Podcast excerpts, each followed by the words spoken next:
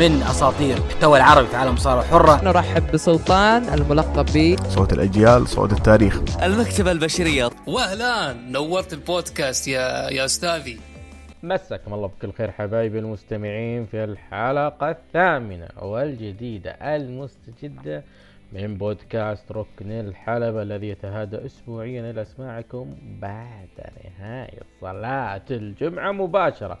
هذا محدثكم أهلا وكذلك نرحب بباريستا عبد الرحمن. مساء الخير يا عبد الرحمن. مساء النور والسرور. أيوة كمل. ومبروك ومليون مبروك. على؟ بعدين نجيها إن شاء الله. اليوم مسفر عكس الأسبوع الماضي. الأسبوع الماضي كنت يعني بحالة يعني إيش أقول يعني؟ حالة مزرية أم، ملك خلق مدري شلون قايل وش وش اللي أسبوعك الكروي يعني؟ أسبوع الكروي إيه، وأسبوع تفضل. المصارعة بعد. الحمد لله. عطنا الكروي. آه السماء إيش لونه؟ السماء الآن سوداء. لا لا السماء إيش لونه؟ السماء سوداء. زرقاء. زرقاء. ليست بزرقاء. هذا انعكاس الضوء يعني لما تجي ميلانو طبعا المقولة هذه لازم يعني معروفة عند الناس. ميلانو دائما زرقاء. ميلانو always blue ألف مبروك. اي بس مع المغرب ألف. تصير حمراء اللهم لك الحمد أسبوع راح قلت لي والله باقي أربع نقاط ومدري إيش الأسبوع هذا أنا متصدر متصدر الدوري الإيطالي بغض النظر هل انتهى موسم أنا متصدر الدوري الإيطالي شوط مم. كنت مهزوم 2-0 حلو الشوط الثاني إيش صار؟ إيش صار؟ أربع أهداف انت تقول أربع نقاط مم. أربع نقاط صارت أربع أهداف وتصدرنا رسميا اليوفي إيش صار عليه؟ ألف مبروك جمهور الإنتر هل هل. اليوفي كان فايز؟ ذيك الجولة؟ لا. طيب شكرا. يعني اليو... اليوفي اللي سهلها ما. خليني خليني أنا ما نعم نعم. يعني تفضل. حق لك حق لك. أسبوعك. يعني تفضل. للأمانة. المباراة تابعتها وأنا بالبر. بعد. مع الأسف أنا أستغرب. اضطرينا نستخدم بعض الروابط. أنا أنا أستغرب من واحد طالع الالبر وغير أجواء والله الشباب أجواء المدينة. ويجيب المدنية مع مباراه وروابط وخلنا نشوف يعني إيش استفدت من الطلعة ذي؟ سؤال يعني في هذيك المباراة اللي أنا تابعتها لا واستغرب اللي يطلع بالعكس. جنز وحاطين مدري وش جل على لا. فروة فا- اي وشماغ فروة وشماغ وريحة نار وكذا ف أيوه تسلم فألف مبروك. كالعادة ما هي غريبة علينا ميلان يعني دائما يبقى آه، يبقى صغير قدام الإنتر لا لا لا تخطي على جمهور ميلان. أنا ما ما ما قللت من هذا. الواقع. لما فريق معليش أنا ابراهيموفيتش أحبه وأو إلى آخره أسطورة ما ننكر فيه لكن لما ترج- ترجع لي شايب وتشغلنا فيه ويا ويلنا ويا ويلنا وش سوى؟ تقول لي جاب هدف وصنع. أربع أهداف. أربع أهداف بعودته. بس معلومة عشان نختم هذا. آه آخر مباراة لعبها ابراهيموفيتش ضد الإنتر إنتهت بفوز الإنتر 4 2 وآخر مباراة رجع رجع فيها زلاتان المباراه ال- قبل كم يوم. فاز الانتر 4 2 أحلى ترحيب يستاهله زلاتان إبراهيموفيتش. ومتصدر في مثل عندنا يقول قدم الغشيم والحكم آه عموما آه كيف شفت آه، أداء ممثلين الوطن في دوري أبطال آسيا؟ آه الأمانة الهلال متوقع فوزه ألف مبروك. التعاون مستحق الفوز. أنا توقعت يتعادل لكنه قدم مباراة جميلة. يستاهل. نعم يستاهل. الأهلي لا تعليق. برضو النصر لا تعليق. بس تعادل النصر يعني مع السد يعني. الأهلي تتقبل تعادل إنه خارج الأرض. لكن النصر تتعادل بأرضك بجمهورك؟ غريبة. وقدم مستوى حلو النصر في بداية آه، الشوط آه، الثاني. قدم مستوى حلو حتى. هدف عبد الرحمن البعيد. إيش رأيك في بالهدف؟ جميل جدا جميل هدف. جميل جميل طيب إذا عندك أي تعليق قبل ما أبدأ في أخبارنا؟ كثير مواقع كثير إعلاميين تحدثوا. سامي الجابر مدرب نادي الاتحاد القادم. رأيك؟ آه ما أشوف إنها يعني فكرة كويسة. المشكلة الاتحاد. اتحاد يعني الناس للأسف متعاطفين من ناحية الموضوع هذا. متعاطفين ومستحيل يلومون مين. الاتحاد من بدأت الديون وهي تتراكم. الملام مين؟ مين؟ كل شخص يرأس الاتحاد. ما له علاقة. الملام الأول بالأخير رغم أنه هو يعني حط بصمة مع الاتحاد وسوى أشياء مستحيل أي رئيس يسويها. اللي هو منصور بلوي. أنا ألوم إدارة بلوي اللي ترك تركت نادي الاتحاد كيف تلوم منصور بلوي؟ إي نعم. إيش دخل منصور بلوي؟ منصور بلوي ترك نادي الاتحاد وال... عليه ديون. والديون هذه تترا- تراكمت. كل سنة تراكمت تراكمت تراكمت تراكمت. رجع منصور بلوي رجع إبراهيم بلوي. وعودات. وراح نسدد وراح نجيب ونفعل و و إلى آخره. طيب بعدين؟ إلى يومك هذا الاتحاد من 2000 أنا بالنسبة لي طيحة الاتحاد من 2011 خسارة نهائي كأس الملك ضد الأهلي إذا تذكرها ببلنتيات هذيك آخر سنة شفنا فيها اتحاد. من بعده الاتحاد طاح. للأمانة الاتحاد مشكلته مشكلته إدارية. مشكلة إنه كل رئيس يجي يحاول يسوي شيء لكن ما يقدر. أنت لما وانت بترجع اتحاد لا تجيب تعاقدات لا تجيب لي والله رعاة ما رعاة حبيبي جيب لي إدارة صح. أنا أنا ما- ما هو يعني أنا اتحاد أنا ما عودته للواجهة. تبي تا- كل نادي بيضرب له في حساب اتحاد أول مرعب. اتحاد أول مرعب الآن ليش؟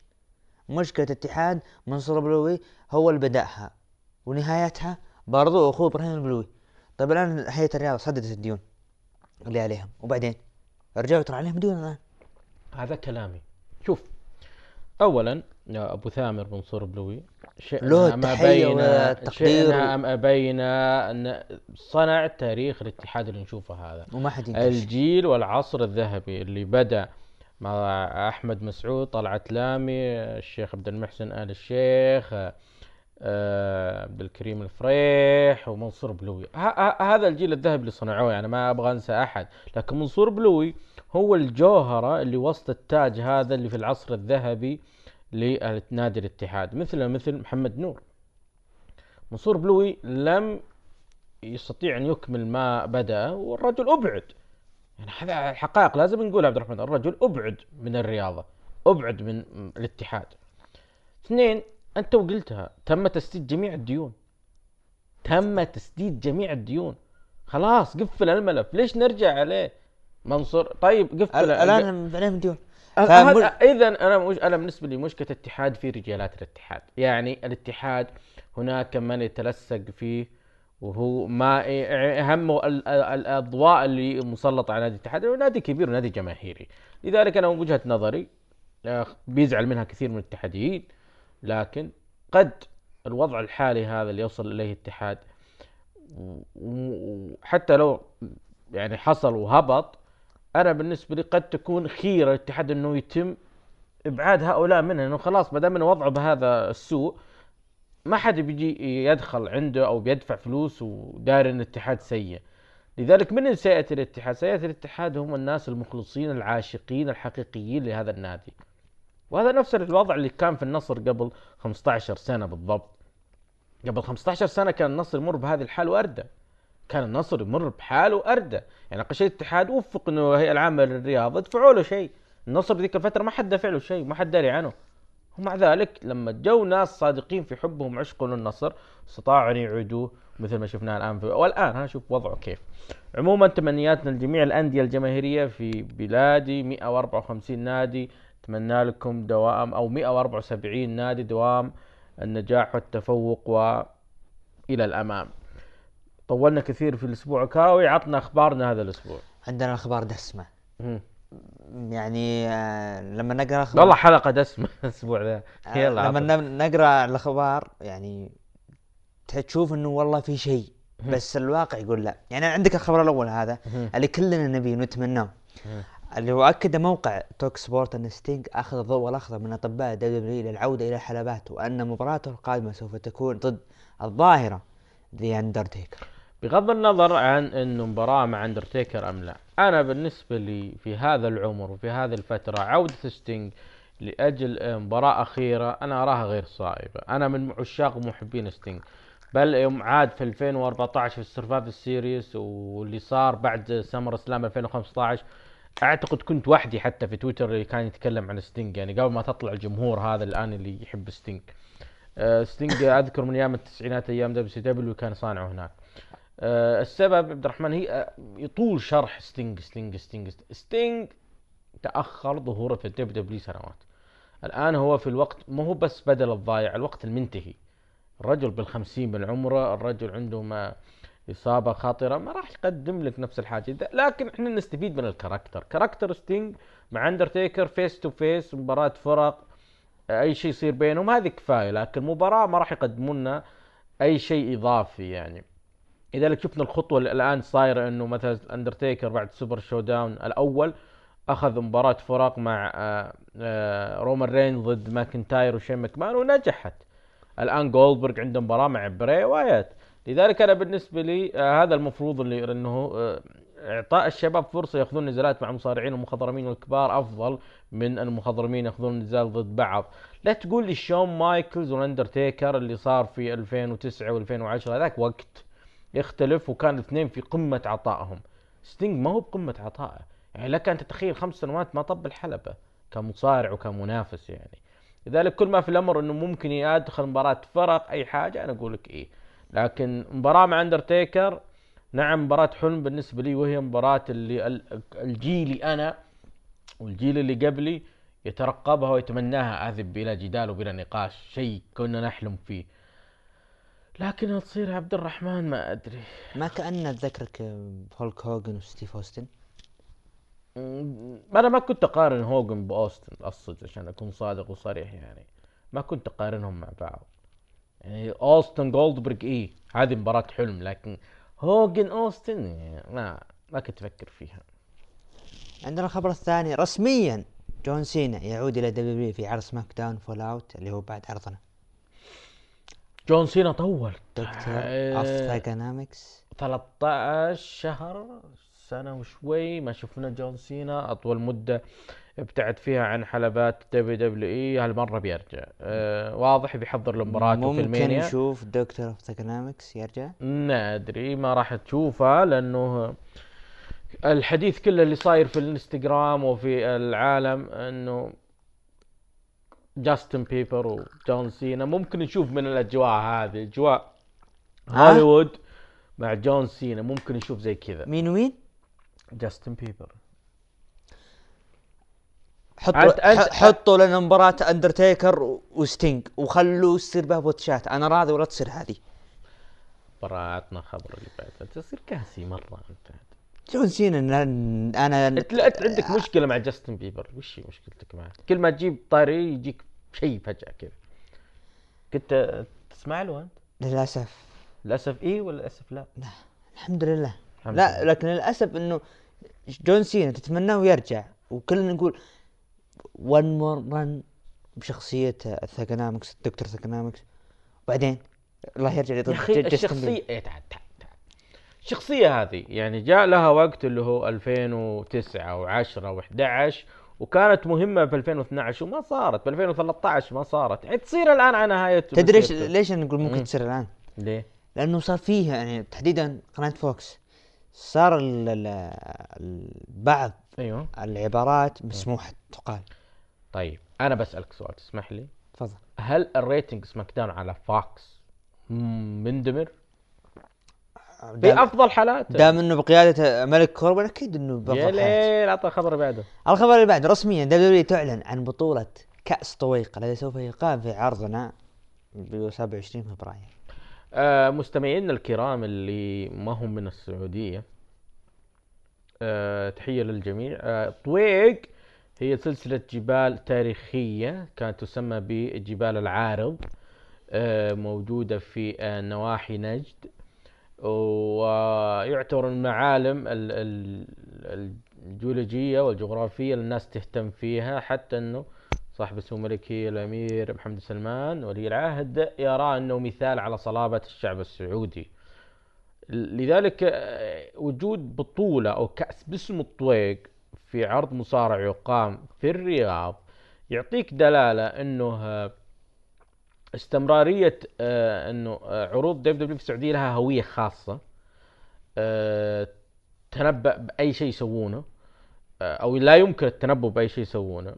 لذلك أنا بالنسبة لي الأشخاص اللي زعلانين يا عبد الرحمن إنه آه كاسة طويق وش نسوي بالأسم هذه؟ مع احترامي للجميع مع احترامي للجميع. ما دام العرض حقنا وحنا دافعين فيه دراهم مني مني مني مني مني بخشم الريال. بخشم الريال آه، أنا أشوف إنه ما دام هناك سياسة واضحة للدولة إنه نستفيد من القوى الناعمة هذه. و WW يعني متجذرة الانتشار مو بس منتشره متجذرة الانتشار في العالم كله تحديدا عن طريق ال social media. لذلك أبسط شيء تسويه إنك تروج لثقافتك. فالناس هذه اللي مسوية نفسها إنه لا أبغى مباراة أبغى five star وأبغى تقلب وتشقلبات افهموا افهموا افهموا.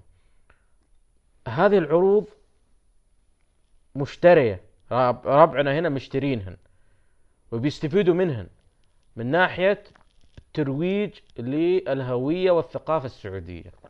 فاهمين؟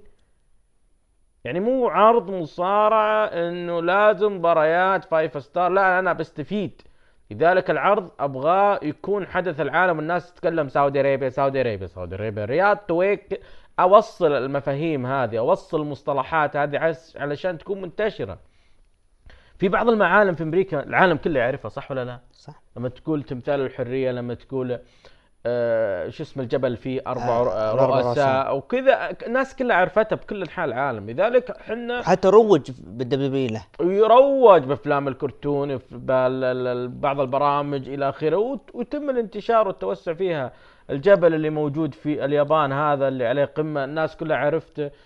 تاج محل في الهند وإلى آخره. فنحن نريد الترويج لهويتنا مثل العلا مدائن صالح الدرعية حي طريف حي البجيري آه، جبل طويق آه، سوق مسوكف بعنيزة حي روهلان بعنيزة آه، حايل جبه إيش بعد عندكم؟ الغزالة. راك، جبال سلمى جبال أجا. بعد إيش عندكم غير؟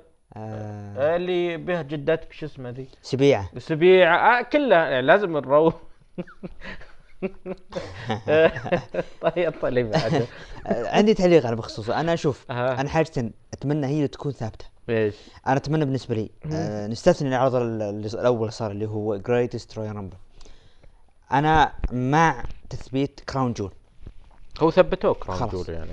أنا بالنسبة لي ترى وجود العروض في الرياض أفضل من جدة مع حبي وتقديري لجدة والحجاز يعني كل جذورنا نرجع من الحجاز إحنا يعني شئنا أم أبينا لكن إخوان جدة جدة غير يعني جدة غير مهيئة يعني وإذا جيتوا للجد للجد إذا كان بتقام عروض في جدة فأتوقع إنها في المدينة الاقتصادية في ثول مدينة الملك عبد الله الاقتصادية أه، أحس هناك يعني أحس إنه إذا كان في عروض انه أعتقد الحفلات الغنائية وين تقام؟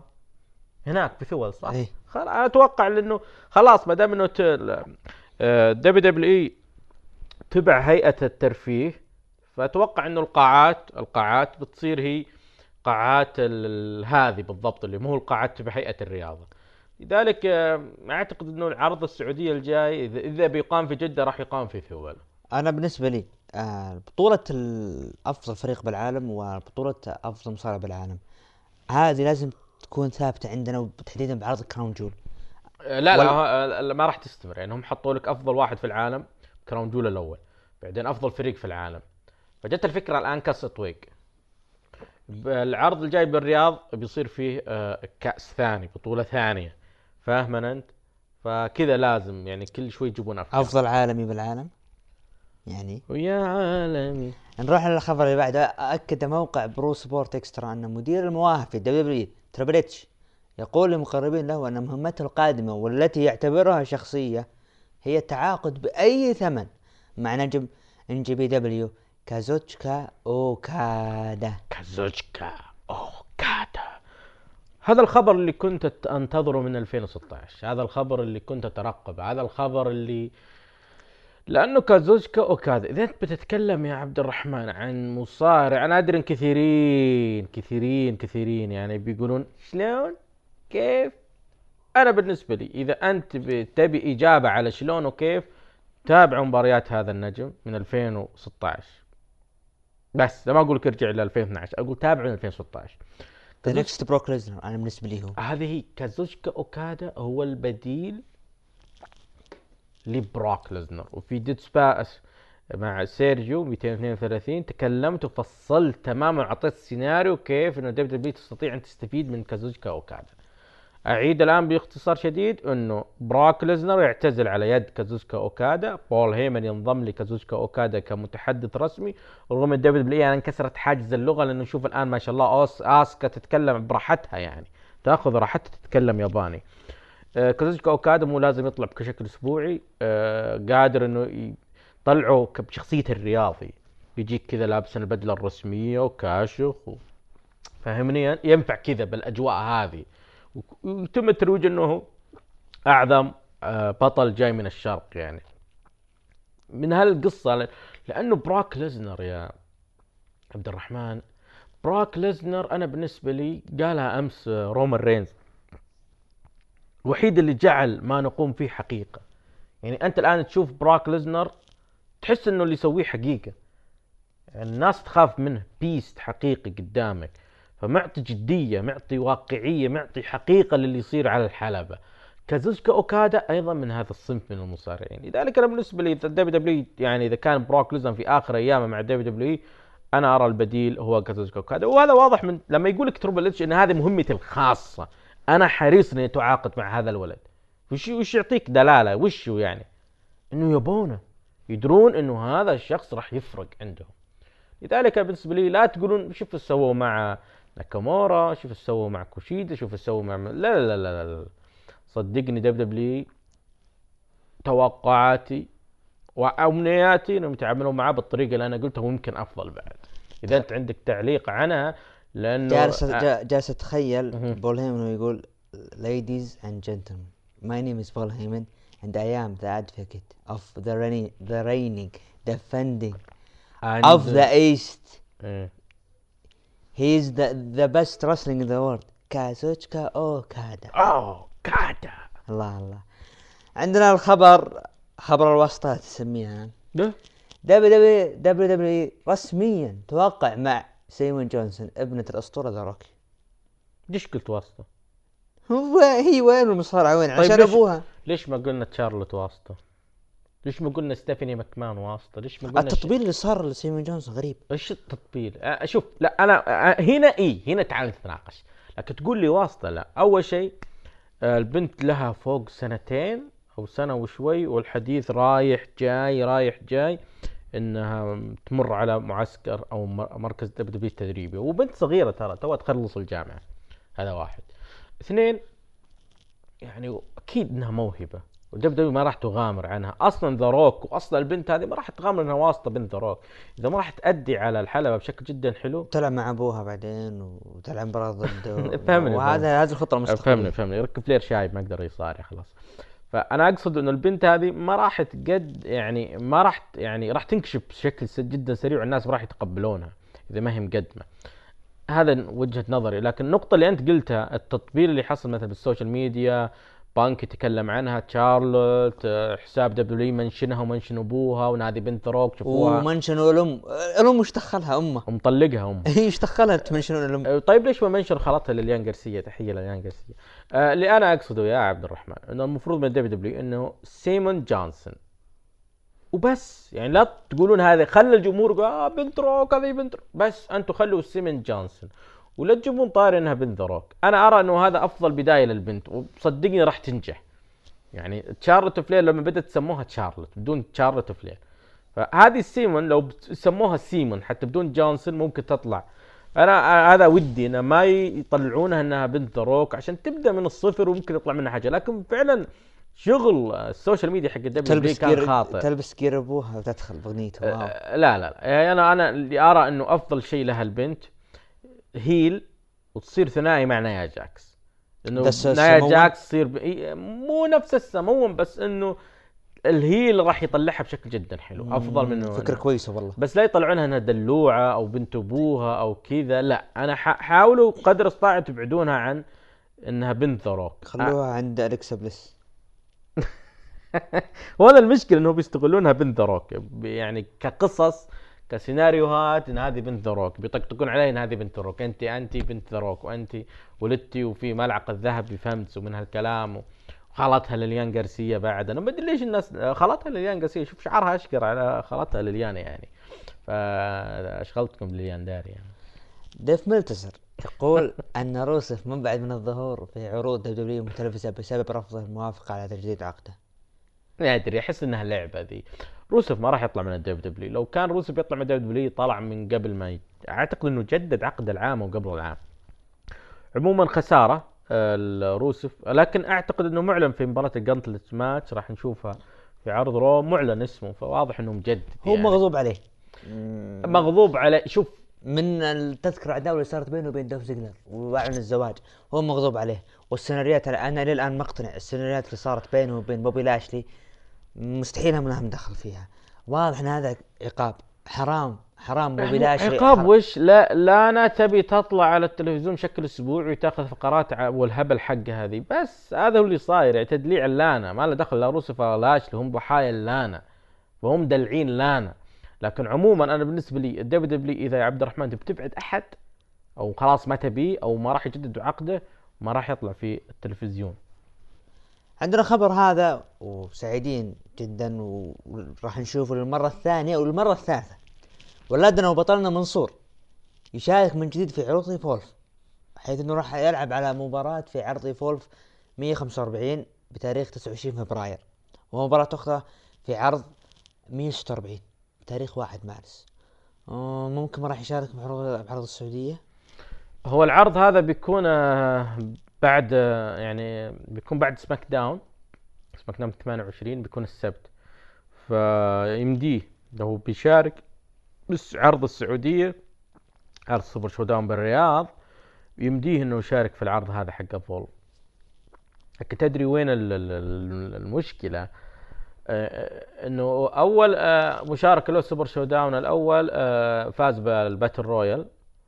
بعدين فاز على سيزارو في الكراون جول. الآن وش بتكون دوره وش بيكون مشاركته؟ شفت ال poster اللي نزله بالانستغرام لا. أنا مقدر منصور موهبته وأتمنى له النجاح وكل خير. لكن نزل يقول إنه يعني من تبون أقابل. ما أنا ما حبيته يعني. كذا تبين شيء للناس إنه أنا أقدر أختار المصارع اللي أبيه وإلى آخره. ما أدري. رأيك؟ من تبون اقابل يعني لا أسلوب اسلوبه قد يكون أسلوب آه، المسؤولين عن ال social media اللي هم كيف يعني في مسؤولين يقولون كيف تكتب كيف تغرد كيف تكتب وتزين وتنزل وتحط هذه حقيقة. فما حملها منصور يعني. وبالأخير يعني أنا أنتم من تبون يقابل قصده في عرض السعودية يعني؟ إيه. يعني هذا في شوف لما نقرأ خبر ايفولف ممكن يشارك ممكن ما يشارك لكن هو لا لا بيشارك يعني تغريدة فولف واضحة لا يعني أت- تتكلم عن عرض السوبر شو داون إنه ممكن يشارك. اترك عرض سماك السوبر شو داون أنا بالنسبة لي يعني هذا عرضنا عرض السعودية وولدنا ويصير له جمهور في السعودية okay. لكن إذا كان هو بينمي موهبته وبيرسخ شخصيته في عالم المصارعة ظهوره في ايفولف للمرة الثانية والثالثة. إنه هو شارك 144 وفاز على مين؟ اي ار فوكس وايفولف 145 وايفولف 146 صدقني هذا مهمة له. لازم إنه يهتم فيها أكثر من إنه إيش رأيكم أنا بش اطلع بالسعودية بنشارك يعني. هذه أهم أنا بالنسبة لي عشان أها أنا بالنسبة لي أتفق معك. أنا أشوف إنه برضه هذه أهم من إنه يشارك بالسعودية. السعودية بالنسبة لي يعني منصور يعني حاول إنه آه، تنتظر الإعلان. أنا عارف إنك ودك تحمس الجمهور وإلى آخره بس صدقني يعني ايفولف ايفولف ثم ايفولف آخر من تبقى من عالم ال indies. يجب أن تحرص عليها. أكثر من حرصك حتى على ظهورك في انكس تي ايفولف راح حتى انها تقوي مكانتك في انكس تي لأنه جو- أقرب مثال مات ريدل مات ريدل آه رودريك سترونج يعني قبل ما يجي هنا كان هناك. أيضا من بعد آه آه نجوم انكس تي آه اللي هو اندسبيوتد ايرا كله مو بس رودريك سترونج يعني كانوا هناك في ايفولف وادم كول فلفتين دريم ترى كانوا يطلعون في ايفولف عشان يلفتون الانتباه في انكس تي لذلك ركز هناك. أفضل لك من انه تحاول إنه يصير إنه أهم شيء عندك إنك تطلع في عروض السعودية حتى لو ما طلعت بأي عروض ثانية. أتمنى له التوفيق. آمين. عندنا خبر آه، مايك جونسون يتحدث عن مفاوضات تجري بين ام ال دبليو وامازون بشأن. حقوق بث عروض مصارعة. أنا بالنسبة لي عبد الرحمن إذا كان في شيء بركز عليه فهو آه، اللي هو آه، منصات هذه امازون نتفليكس امازون بدأت تنقل المباريات على منص- منصتها. فهمني اللي هو امازون برايم اللي أنا أقصده إنه آه، فينس مكمان في إعلان قوائم مالية للربع الأخير من 2019 تكلم إنه احتمال إنه ال pay-per-view العروض الشهرية تباع. على المنصات هذه. تباع على Amazon Prime على Netflix على آه، منصة جوجل ناسي وش اسمها على Apple TV وإلى اخره منصات فيها اشتراكات. فانا بالنسبة لي هذه خطوة لنا إحنا بعد المساكين في Middle East و North Africa اللي ما عندنا شيء إنه يصير نقدر نشترك في امازون بس عشان نشوف تنعكس هذه. تنعكس. خطته هي كانت على الدبليو نتورك إنه عنده هدف راح يسوي فيه من ناحية المشتركين. إي بس بيبي فلوسه. أنا داري الاي اس بي ان بلس العروض حقت ال حقت اليو اف سي تدري كم؟ اترك يو اف سي بيلاتور جيبهم ربع مليار 250 مليون تقريبا. تخيل. واو. حرق كيف ال WW كم بتجيب له العروض هذه؟ ريسلمينيا بتجيب له نص مليار. نص مليار بتجيب له يعني. فهذا هذا اللي يفكر فيه هو مستر ماكمان. وأنا ايده بشدة. عشان ال- إذا كان ايده من ناحية مخه المالي. لكن بالنسبة لي أيضا ايد لأنه إحنا الحين بلشانين وين نشوف العروض؟ انت وين تشوف العروض؟ روابط ها؟ قرصنة. واستغفر الله. Watch Wrestling Watch Wrestling وعلى طاري Watch Wrestling حبايبنا نشوف عروض هذا الأسبوع. نروح ل NXT UK طبعا آه، افتتح العرض بمباراة نسائية لبايبر نيفن. آه، بعدها شفنا آه، آه، إعلان رسمي اللي قالوا إنهم قبلوا تحدي اللي أعلن داني بورش وأوني لوركن الأسبوع الماضي لالقاب الفرق آه، ديفلين تكلم عن برومو عن اللي حصل في ال Worlds Collide ولما أخذ لقب ال cruiserweight. وأنا عندي تحفظ على كثير اللي صار مع جوردن ديفلين راح أرجع لك فيه. بعدها شفنا مباراة رائعة الجميل جدا. تايلر بيت و A-Kid كانت مباراة جيدة آه، يعني رغم قصر مدتها بس كانت رائعة جدا. استمتع فيها ست. دقائق نعم رائعة ست دقائق فاز فيها تايلر بيت. جوزيف كانر شفناه دخل الحلبة وصار يتكلم عن اللي اختفاءه الفترة الماضية. شفناه يعني ما شفناه واجد. آه بعد شفنا حاجة عن اللي حصل بين وولتر أو فولتر مع ديف ماستف م- ديف ماستف ممكن يكون هو القسم القادم لوولتر. بعد شفنا مباراة فرق بين ستو... آه، ستوكر وهاولي ضد أليفر كارتر وأشتون سميث. مباراة آه، كانت بالنسبة لي صادمة لأنه أشتون سميث بعد آه، مدة طويلة قدر ينتزع انتصار صح مباراة فرق مع أوليفر كارتر. المباراة أخذت ست دقائق آه، شيء بالنسبة لي حلو جدا. آه، بعد شفنا آه، فقرة خلف الكواليس بين إيليا دراغونوف مع جو كوفي. واضح إنه حتى الآن العداوة بين إمبريوم والجالوس وإيليا دراغونوف مع الجالوس إلى الآن مستمرة. Main event مباراة اللي هي شلون أوصفها لك؟ الزوايا حقت الحلبة كلها حديد. ترنت 7 ضد إيدي دينيس. مباراة خرافية أخذت تقريبا ربع ساعة وانتهت بانتصار ضخم لترنت seven سؤالي لك جوردن ديفلن ولقب ال cruiserweight تحس إنه صح اللي صار ولا اللي صاير له قتل عرض 205 Live؟ خليني أعطيك وش صار 205 Live. المفروض إن جوردن ديفلين يكون موجود في العرض صح ولا لا وهو فعلا موجود؟ افتتحوا عن اللي صار جوردن ديفلين واخذ اللقب بال Worlds Collide والاخير بعدها شفنا مباراة فرق داني بورش. واني لوركن ضد براين كندريك وآريا ديفاري اللي حصل بينهم الأسبوع الماضي وانتهت بال DQ بفوز براين كندريك واريان دي آريا ديفاري بعد ما انفلت الموضوع من أولي لوركن واستخدم الكرسي. وبعدها آه طلبوا الطاولات سووا حركة ال Dudley Boyz آه لوركن وبورش وكسروا الطاولات على كندريك ودايفري واضح إن عداوة ما راح توقف. مباراة غبية بعدها الأخوين سينج يستهبلون على بعض ال jobber ثلاث دقائق يستاهلون بعدها ال main event والترقب والانتظار. جوردن ديفلن آه، دخل في مباراة ثلاثية ضد ريو راش وتوني نيس. مباراة ما عليها جيد أخذت ربع ساعة وانتهت بحفاظ جوردن ديفلن على لقبه. أنا سؤالي لك اللي أنا أتكلم فيه عن جوردن ديفلن هو الرابط بين العرضين.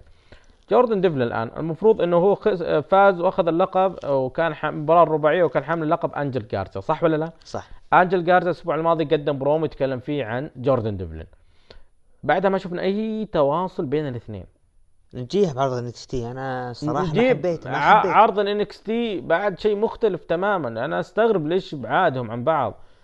أه وحتى جوردن ديفلن ليش ما, ما أنا توقعت إنه هو يفتتح العرض جوردن ديفلن ويستقبل نجوم ال cruiserweight لأنه المفروض هو دخيل عليهم انت جاي من NXT UK إحنا 205 Live يعني مثل توني نيس وبعض النجوم إنه أنت دخيل علينا. يظل السؤال وين دريك مافريك؟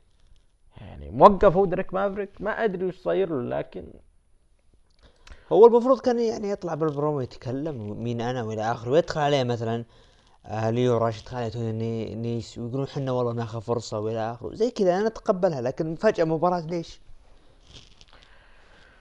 نروح لعرض New Beginning في أوساكا 2020 طبعا العرض هذا فيه عدة مباريات. إحنا بناخذ الأهم اللي هي مباريات الفردية مباراة على لقب ال junior. هيرومو تاكاهاشي ضد ريو لي. مباراة استمرت قرابة ال 25 دقيقة. مباراة رائعة كعادة مباريات ال- ال juniors. وانتهت بحفاظ هيرومو تاكاهاشي على لقبه مباراة لقب الولايات المتحدة ومباراة الكل مترقبها. ومباراة تستاهل ترقب. جون موكسلي حامل اللقب ضد مينورو سوزوكي. المخضرم مباراة تقريبا أخذت 19 دقيقة وانتهت بفوز ضخم لجون موكسلي بعد المباراة من تدخل؟ مين؟ زاك سيبر جونيور وهو أحد أعضاء عصابة مينورو سوزوكي. وأعلن تحديه لجون موكسلي. واضح قدام جون موكسلي مستمر مع NJPW راح يخسر اللقب. آه، ما ندري حتى الآن. بعدها مباراة آه، آه، تقريبا أخذت فوق نص ساعة. كانت أقل مباراة من المباراتين السابقة. تتسويا نايتو حامل اللقبين. لقب ال IC اللي هو لقب القارات ولقب ال heavyweight ضد كينتا. مباراة انتهت في حفاظ نايتو لكن بعد مباراة دموية. طبعا خصم نايتو القادم هو مين؟ هو هيرومو تاكاهاشي اللي معاه في نفس العصابة. السبب ليش هو خصمه القادم؟ انه هو بطل ال junior تاكاهاشي ونايتو بطل ال heavyweight فهذا في عرض دائم يصير في مارس يتقابل بطل ال junior مع بطل ال heavyweight والفائز ياخذ اللقب ما لا ليست على الألقاب. المباراة ليست على الألقاب. لكن شفناها زاك سيبر جونيور من مو زاك ويل اوسبري كان بطل ال junior هو من عصابة Chaos اللي زعيمها اوكادا وتقابلوا الاثنين. فهذه دائما تصير يعني لا شيء جديد. لذلك يظل الاستفهام من خصم نايتو القادم طول سنة 2020 ما حد يدري. جون موكسلي خلاص واضح مطول مع NJPW؟ أنا عندي إحساس عندي إحساس حتى بقى مع الأخبار الأخيرة إنه واضح إنه راح يخسر اللقب. هذه حاجة. حاجة ثانية برضو أنا أشوف أوكادا ما له خطط فممكن إنه قربت. قدومه إلى NXT roster NXT قرب. نروح لعرض MLW Fusion طبعا افتتح العرض. ب video package عن العداوة اللي صايرة بين Contra Unit وال Hart Foundation توم لولر افتتح العرض مع أفراد عصابته. وتكلم فيه عن الفون إيريك. طبعا هم يسجلون في آه، دالاس تكساس ويعني أخذ التيشيرت حق الفون إيريك ورماه وسوى فيه حركات مش كويسة. ورحب بعضوهم اللي هو دومينيك جاريني اللي بتكون عنده مباراة مع أحد المواهب المكسيكية اللي هو آه، زينشي. مباراة تقريبا استغرقت سبع دقائق وكانت يعني فيها أسلوب technical بحت لأنه جاريني آه، معه الجوجيتسو ويتقن الجوجيتسو فكان واضح عليه. وانتهت بفوز جاريني على زينشي. آه، بعدها شفنا براين بيلمان آه، فيديو لبراين بيلمان جاي القاعة وفجأة هجموا عليه آه، اللي هم ال- ال- ال- الفرقة الخاصة لل Contra Unit لكن كان في ديفي بوي سميث وفزع له بعدها جابوا فقرات كثيرة عن MJF. وبعدها جاي MJF شخصيا واللي ما أدري ليش قبل شهر أعلن إنه تارك MLW وما زال يطلع. انضم لطاولة التعليق لمباراة اللي صايرة بين ريتشارد هوليدي عضو في ال Dynasty اللي هو فريق MJF ضد مين؟ ضد المخضرم سافيو فيجا نعم المخضرمين اللي يسمعونا سافيو فيجا ما زال يصارع. آه، مباراة سريعة خمس دقائق انتهت بفوز ريتشارد هوليدي وبعد المباراة أخذ ريتشارد هوليدي لقب الكاريبي اللي هو اللقب اللي مع سافيو فيجا وهرب المباراة ليست على اللقب لذلك ما يعتبر حامل اللقب. ديفي بوي سميث تكلم خلف الكواليس عن اللي حصل آه لبراين بيلمان وبعدين قال إنه ما راح يخليه. بعدين الفون إيريك آه انضموا لهم قال حنا معكم وما عليكم قدها شر قدها خير حنا وراكم ما لا تشيلون هم. آه شفنا video package عن كيلر كروس اللي أعلنوا MLW انضمام لهم. وبعدين شفنا إعلان عن ال Battle Riot آه ثلاثة راح يرجع بيوليو آه إعلان Triple A. أنا ها؟ في إعلان ل Triple A. اعلنوا عن Dragon Gate غير Triple A. Triple A بيكون آه، عرض مشترك وأيضا Dragon Gate الاتحاد المعروف من 99 موجود أيضا.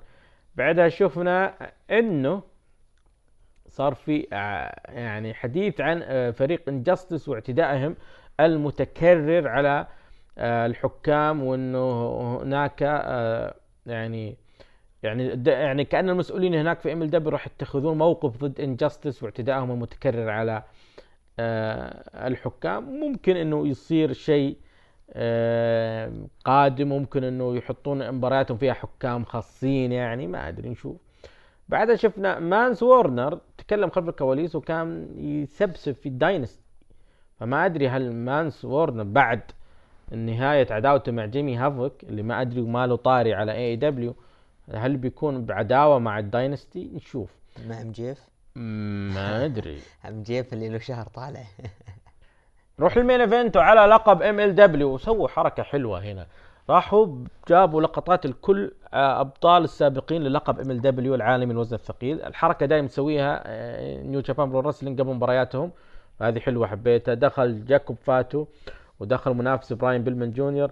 مباراة تقريبا أخذت ست دقائق مباراة جيدة لا بأس فيها. آه وكالعادة جاكوب فاتو رغم إنه وزنه ولكن هذا هو مستمون يعني لكن كان مبدع في المباراة. وانتهت المباراة بعد عدة تدخلات شفنا بصافك خلف الكواليس وبالحلبة ومع ذلك استطاع جاكوب فاتو أن ينتزع انتصار من براين بيلمان. هل العداوة اللي صايرة من ال Hart Foundation آه وال Contra Unit تحس إنها قادرة تلفت انتباه لك على ال يعني بحط عندك معلومة. المعلومة الأولى إنه ديفي بوي سميث جونيور طلع أمس في برنامج The Bump اللي يبث على ط- شبكة WW Network. أعط... أبيك تعطيني أسامي الهارت. دقيقة خليني أعطيك الأخبار. في نفس التوقيت أعلنت الشرطة القبض على تيدي هارت كان معه يعني كمية من المخدرات وكان يحاول يروج لهن. فهل هذا مؤشر على نهاية ال Hart Foundation في MLW في تفكك. مو تفكك نهايتهم؟ خلاص. آه هذا الأقرب. ليش؟ لأنه لما تشوف ال... ال... تشوف خبر الشرطة تقول. خلاص. في في شيء صاير. يعني ما راح يستمرون. والله أنا حزين على تيدي هارت يا أخي. حمار. حمار. نروح ل NWA Powerrr هذا العرض افتتح بمباراة فرق بين ال Dawsons وال Bouncers. انتهت بفوز The Bouncers على ال Dawsons في خمس دقائق. آه بعدها أخذنا برومو من آه نيك ألدس يتحدث عن آه اللي صاير بينه وهو ومارتي سكور بعد شفنا قدوم مين؟ أبطال الفرق جيمس ستورم وايلاي دريك والحديث اللي كان بينهم. بعدها شفنا مباراة بين توم لاتمير ضد تيم ستورم. آه انتهت المباراة بفوز توم لاتمير. نعم توم لاتمير فاز على تيم ستورم. آه وما زالت انه ال- اللي متجس اللي تقلد انها هذه أم تيم ستورم ما زالت ترجي تجي مرة ثانية. بعد شفنا يعني حديث عن عرض ROH Free Enterprise اللي صار فيه مباريات بين اللي بيصير فيه مباريات بين نجوم ROH القدامى مع نجوم ROH الجدد. والحديث اللي بعدها صار عن مباراة صارت بين ارون ستيفنز ضد موردوخ واللي انتهت بالتعادل.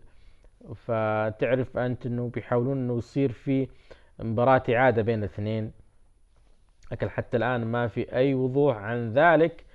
آه بعدها آه شفنا آه آه شين موني آه تحدث عن اللي بيصير بين نيك ألدس ومارتي سكرل وأعلن رسميا إنه مباراة راح تكون في ال Crockett Cup آه لقب NWA على المحك.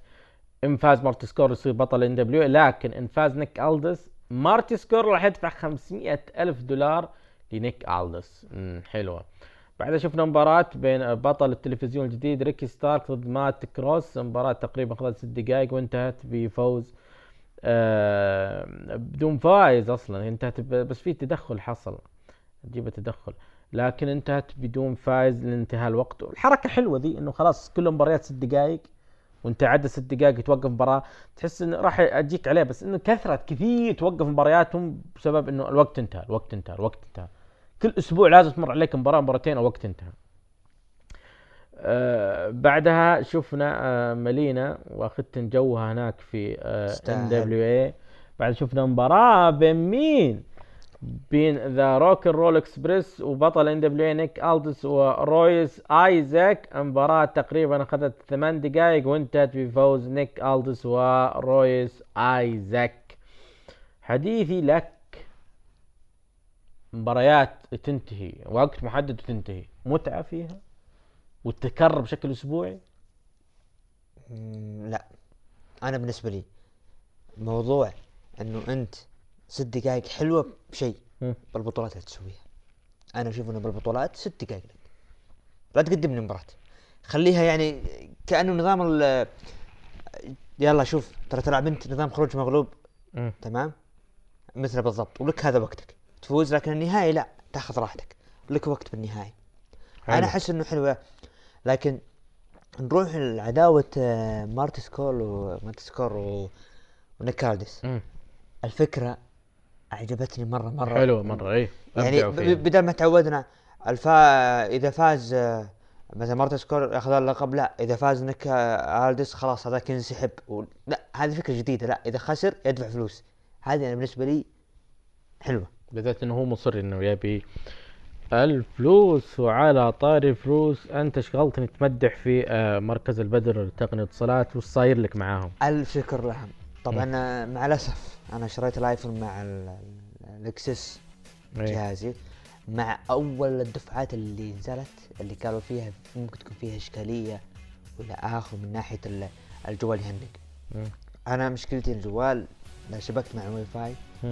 يشبك فجأة يختفي الواي فاي من عندي. فرحت واعطيتهم الجهاز سووا له الصيانه و... والله يعطيهم الف عافيه طبعا مركز البدر للتقنية اتصالات في محافظة عنيزة شارع الصالحية سماك داون يا عبد الرحمن ماذا لديك هذا الأسبوع؟ قبل سماك داون. أنا سمعت ها. إنه ها. آه، بعرض سوبر شوداون. ها. إذا والله تبي تاخذ راحتك وتروح دورة المياه تبي تقهوى روح بمباراة. كوربن رومان رينز. من اللي يقول هذا؟ أنا عجبني كلام يقولون أنت بن واف قايله أنا؟ هل هذا صحيح؟ لا. تصدق فيني؟ أعوذ بالله. أصلا مباراة كوربن ورومان رينز المباراة هذه ما يمديك ترمش. لا كيف ت... لأن لأنك بتشوف الملك كوربن وهو يجلد رومان رينز جلد بيطلع حرة ال... ال... الأكل الكلاب اللي هو بالعه. بيط... يعني هو هو الحين استفرغ يطلع الأكل هذا؟ عموما أنا إذا الخبر كان صحيح لا، لا، غير صحيح، غير صحيح، معقولة. معقولة تترك مباريات. الحريم وتركز عليها لا لا لا لا استحالة أعوذ بالله أعوذ نشوف. بالله عندنا العرض الأزرق افتتح العرض بدخول من هذا العشاق الاي سي دبليو سابقا ها اللي هي اللي هي فقرة دا- Dirty Sheet إيه. اللي كانت جون موريسون إيه. ذا ميز. وتكلموا إنه على شرف عودة ال Dirty Sheet وجوائز الأوسكار وعلى شرف مباراتنا ضد النيو داي في سوبر شوداون حلو. راح نفتتح لكم بعرض مميز الفيلم الجديد الذي يستحق جائزة الأوسكار. واللي ظهر فيها الفيديو والد ذا ميز وجون ليوناردس آه ولانس ستورم. وطبعا بعد ما انتهى الفيديو آه قاطعوهم نيو داي قالوا إنه نيو داي إنه اللي يضحك والنكتة إنه أنتم راح تفوزون بالألقاب. طبعا قال ذا ميز رد عليه قال ترى إحنا فزنا. على الجميع. صح. واستحقينا الفرصه صح. وأصبحنا على- الأول على اللقب. لكن دقت موسيقى ذا اوسوس قالوا إن أنتم ما هزمتونا أصلا خير شر. فجأة دقت موسيقى دولف زيجلر ولكن, ولكن ذا ميز وموريسون هاجم النيو داي وشفنا مباراة بين الأوسوس ضد دولف زيجلر وانتهت بانتصار ذا اوسوس خلال 12 دقيقة. رأيك بالبرومو اللي صار ومباراة؟ آه البرومو حلو. الفيديو اللي سووه والله عظيم. روعة روعة روعة روعة. محتاجين هذا التجديد. آه آه، هذا النوعية من البروموهات عبد الرحمن محتاجينها إحنا. يعني قبلها بأسبوع كان البرومو حق ستريت بروفيتس لما كانوا يطقطقون على بعض الحاجات كان حلو. للأسف ما كرروه. البرومو هذا اللي هو ال Dirty Sheet رائع جدا. آه، بكل تفاصيله شيء تجديد شيء حلو. آه، قد تكون أفكار للمصارعين نفسها لأني أنا أستبعد إنه بروس بريتشارد يمتلك العقلية هذه. و... لكن ال rating ما هذا اللي قاهرني. أنا ودي أقول آه شوفوا يوم تركتم إيريك بيشوف يطلع. بس المشكلة ال rating دايم مرتفع.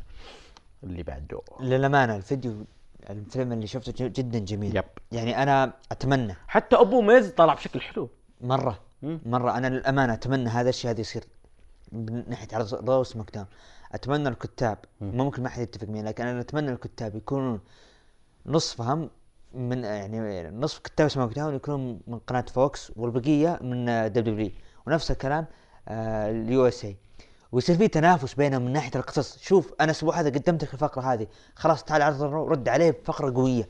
أنا أبي أنا أبي كذا. لا تجيني وقت سرفايفر سيريس تقولي والله ها هذه لا. أبي طول السنة. أنت تبي مشاهدات سوي كذا.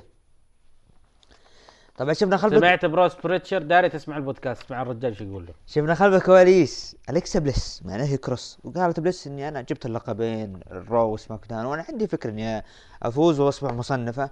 وغير كذا إني أنا يعني قد هزمت بيلي بديرته بما ان العرض في سان خوسيه إني أنا هزمته. بعده شاهدنا الملك كوربن. داخل غرفة التحكم. ولقى اللي مشغل المقطع اللي صار أسبوع راح. المهم برا تسبني دق ودق. دق ودق. لو ما جو وفكوه ذبحوا هذا مو تنمر الحين ما تسميه تنمر. لا، يعني مو تنمر. المسكين لا المنتج وش دخل وش ذنبه يعني؟ ليش تشغل فيديو؟ وظيفته ذي. مين انت تشغل فيديو؟ وظيفته ذي. امم وظيفته. لا ما هو. مرة ثانية ليش تشغل؟ لما شخص يعني مثل شخصية ملك كورب هذا ملك. هذا ملك. أنا بسألك الحين يوم كوربن وكل رومان رينز أكل السلاب هل رومان رينز سوى الحركة دي؟ قال لا تبثونها؟ في فرق. كوربن لما أنت قلت كوربن وكل هنا لا ذا اوسوس راح طيب، نجي راح طيب، نجي طيب، راح نجي طيب، شفنا رايس لعب ضد سيزارو وانتصر خلال سبع دقائق. أوجه كلام للي كان يزعل على فوز منصور. ضد سيزارو. هذا أليستر يفوز على سيزارو. نشوفك الحين لا تكلم بيجيك يقول لا تقارن أليستر مع منصور لكن بالنسبة لي أنا- المباراه المباراة كانت لا جيدة. أنا أنا راح أقارن. شوف- ليش ليش أنا لما أقارن بالأداء؟ أنا يعجبني لما أنت تجي تعطيني مباراة أقل من عشر دقائق بهذا المستوى أنا أيدها بغض النظر عن من اللي فايز. أليستر character. سيزارو ما صار character إلا لما صار ثنائي مع شيمس في The Bar. صار شخصيا شوف الآن رغم إنه كان مع بول هيمن جاي والى آخره. ما طلع حتى مع تايسون كيد يعني يقول إنه كان ثنائي حلو بس ما طلعوا يعني. كان طلعت سيزارو بالنسبة لي مع The Bar مع شيمس وهذا ال tag teams. فأنا عدم وجوده مرة ثانية أنا اعتبر أرا- أراها سلبية كبيرة ترى.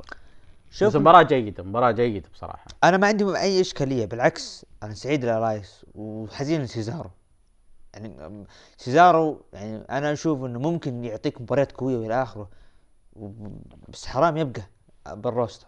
يا إنه ترجع tag team يا إنه توديها NXT okay عموما شفنا دخل ملك كوربن. الله الله دقت موسيقى الله يزينه ويدخل. تكلم قال إني أنا الملك وهذا التاج أنا لابسه. وأنا ما راح أتكلم وهذه مملكتي. يعني شكل لي بس اهم شيء شكليا ملك. وقال رومان إنه المفروض أنت بتخ... المفروض أسبوع راح أنت المفروض خسران. لكن ذول كالعادة ذا اوسوس واقفين معك. هم اللي هدولك الفوز. المفروض أنت خسر مثل ما خسر سان فرانسيسكو آه اللي هي بسان... الفريق اللي بسان خوسيه. مثل ما خسر الفريق آه مدينة كانساس كانساس سيتي. يعني نفس نفس خسارة الأهلي أي كمل اسف آه، ضد مين؟ آه، لا ما أقول شيء غير وعدكم كأس الملك. والله عموما اتذكر وقال إنه يعني أنت كعادتك إنك أنت تفوز مساعدة أبناء عمومتك. وأنا أطالب بمباراة إعادة. ودخل رومان رينز وافق على التحدي والمباراة راح تكون في Super ShowDown قدام عيوني. راح أشوف مباراة steel cage. وراح أشوف ال king والملك كوربن راح يجلد رومان وينتزع انتصار قدام إيه. عيني. واثق. واثق. والميز راح يحقق لقب القارات ولين بيننا أرجع وأقول. شلون؟ الحين يفوز على رومان رينز ويروح لقب القارات. هذه. دق خشم رومان بعدين يروح لبرون سترومان ويدق أنا آسف. آسف عبد الرحمن بس بحرق عليك. رومان بيفوز. لا تتعنى تروح للرياض وبالأخير رومان يفوز. لن ينتصر أنا اسف حركت عليك أنا. تفضل كمل. آه شفنا الفقرة اللي كل الناس كانت تترقبها ويعني الناس تنتقد الجمهور كان يعني أنا أتوقع الجمهور نفس ينتظر إنه يدخل الحلبة. شفنا جولدبرغ ظهر خلف الكواليس. بالجراج حق بيته. إيه. مم. وتحدث إنه يفكر يعني يقول إنه وش السيارة؟ تشالنجر وش السيارة؟ أو جي تي الجي تي جي تي شفنا انه جلس طبعا كان جالس هو بيرته مم. تكلم انه شو اسمه انه أنا أفكر من الخصم التالي هوز نيكست مين مين, مين؟ درو مع بروك. وبروك مشغول مع ريكوشي. ما في علاقة بيونيفرسال.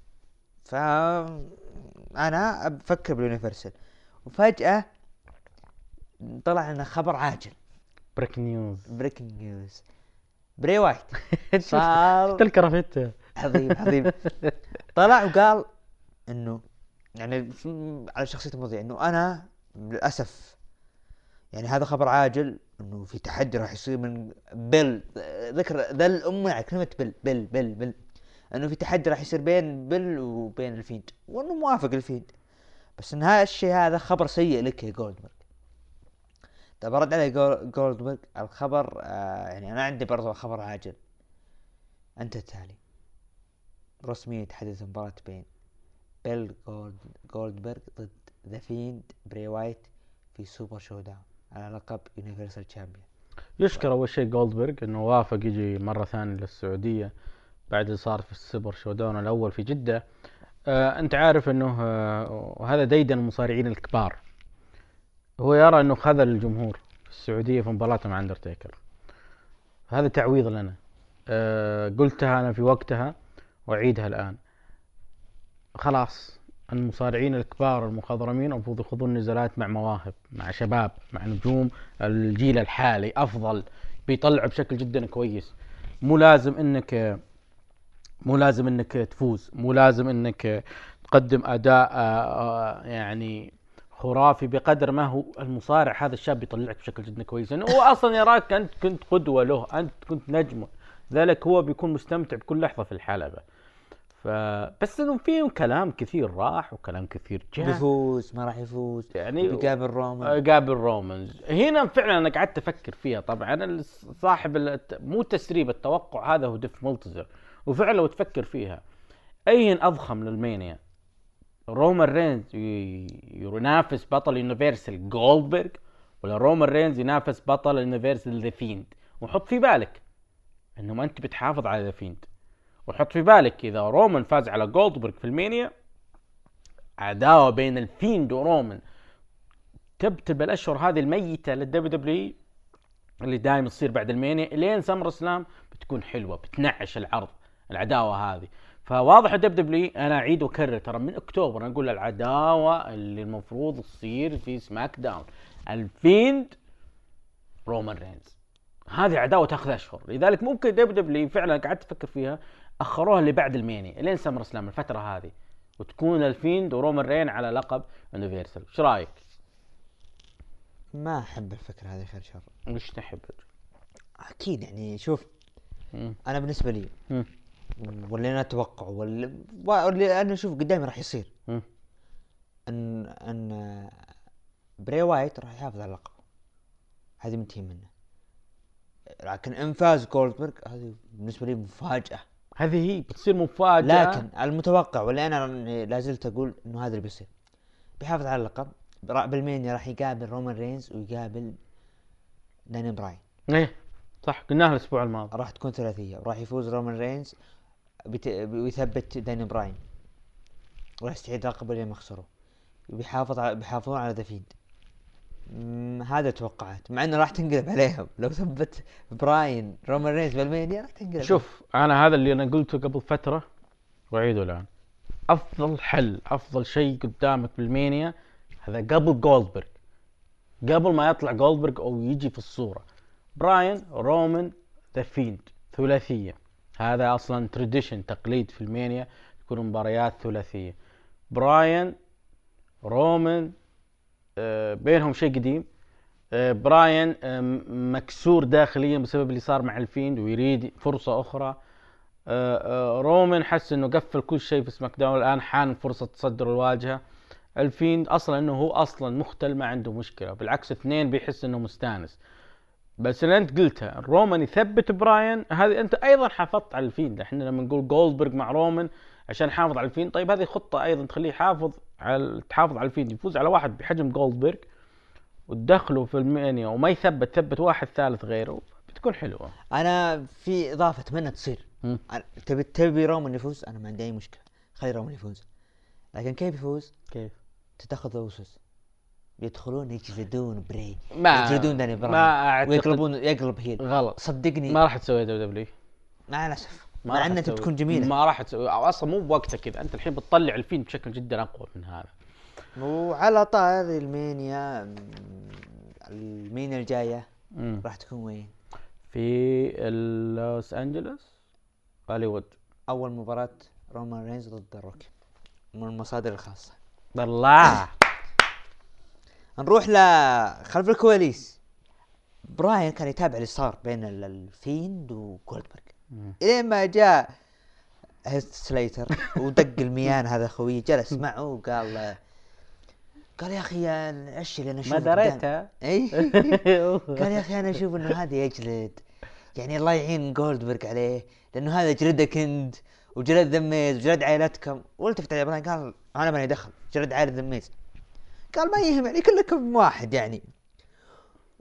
ودي يتكلم جدا كلام يمين يسار. قال قال براين إذا فيك خير اطلع الحلبه طلع الحلبة وفاز براين خلال دقيقه رأيك؟ حلوة من هيث سليتر مبطين عنه. حركات شفت كيف قدم لك فقرة زي كذا؟ رائعة جدا. بصراحة أبدع أبدع فيها هيث سليتر. يعني لما تشوف سليتر تتذكر عصابة 3MB كلهم حققوا ألقاب الا هو. تخيل. يا بعد بعد بعد عموماً. أتذكر. ماكنتاير ما حقق. راح يحقق. هاي حق لقب لقب نكستي يعتبر لقب وزن ثقيل. يا الله حط شفنا برو... آه... ريني يونغ. من زمان ما طلعت من سم... بسماك داون شفناه بالحلبة رحبت ب- برون سترومان ودخل برون سترومان وتكلم إنه أنا اللقب اللي حققه وإنه الجمهور قال انت تستحق وإنه هو قال إني أنا أخيرا حققت هذا اللقب بعد ما كنت بطل tag team مع طفل وبعد ما حققت آه يسرد الجزاء. Royal آه، اللي هو Greatest Royal Rumble إلى آخره. لكن دخل سامي زين وناكامورا وقال سامي إنه إحنا نبي مباراة. نبي مباراة على اللقب. قال سترومان تعال الحين خذ مباراتك. قال لا يا حبيبي ما هي على كيفك. إحنا متى ما بغينا مباراة راح ناخذها. إلى ما شفنا تدخل The Revival وساعدوا شينسكي ناكامورا ونفذ عليه شينسكي ناكامورا كينشاسا أتوقع عندنا بالسعوديه ال rematch؟ لا. ما راح يكون عندنا عشان. سامي زين. ما يحتاج يجي لا يجي لا نشوفه. شفنا خلف الكواليس. اوتيس يتد- يتدرب من أجل فالنتاين عجبتك أنت؟ مستانس معه. طيب حطنا المين ايفنت آه في مباراة قبل المين ايفنت. شيمس لعب مع ب- بولو كروز وانتصر خلال 40 ثانية. يو. وجاك جاك جيبل مسكين بيساعد بولو كروز وكلا ولقب بروك كيك جيتك يا عبد المعين تعين؟ لا وش جيتك يا عبد المعين تعين و ناسيها. قو- لا هذه لا ثانية جيتك عون وصرت فرعون. لا ذي قوية بس هذه جيتك يا عبد المعين تعين طلعت أنت اللي بتعانى وكذا. رحنا لل main event. المغص. مباراة المصنفة الأولى على لقب النساء. يا الله. انتهت بانتصار كارميلا خلال 11 دقيقة لتصبح منافسة بيلي. طبعا بيلي جلدتها بنهاية المباراة. أنا قلت لسيرجيو. قلت له إن المباراة هذه اللي هي بيلي ضد كارميلا ما راح تصير في السعودية ما اعلن عنها قال لا بتصير عندكم. وبالأخير أعلنوا عنها بتصير في عرض سماك داون الجاي فانا احمد الله سبحانه وتعالى فكونا منها. عموما أنت الأسبوع الماضي مطلع لنا يومي صح ولا لا؟ صح. وتهاوشت مع بيلي صح ولا لا؟ صح. ثم فجاه حطيت المباراة هذه جبت وحدة منسية كارميلا منسية تماما وتفوزها.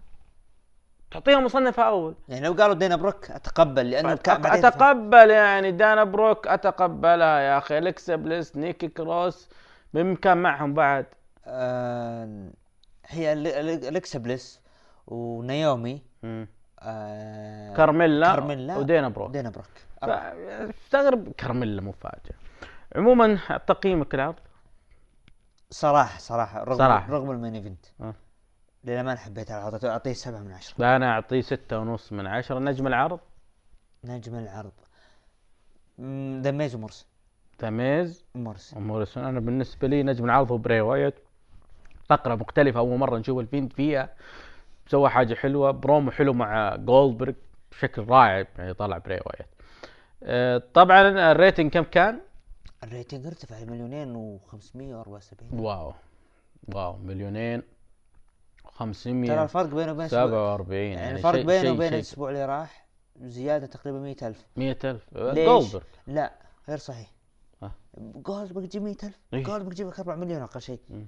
لا الملك كوربن دا وش دخل دخل دا؟ دخل فقرتين هذه تكفي الحال الناس دخل- أصلا ما, ما توقعوا إنه بيجي أصلا إنه يعني في كمية استفراغ بيسويها الله يكرمك.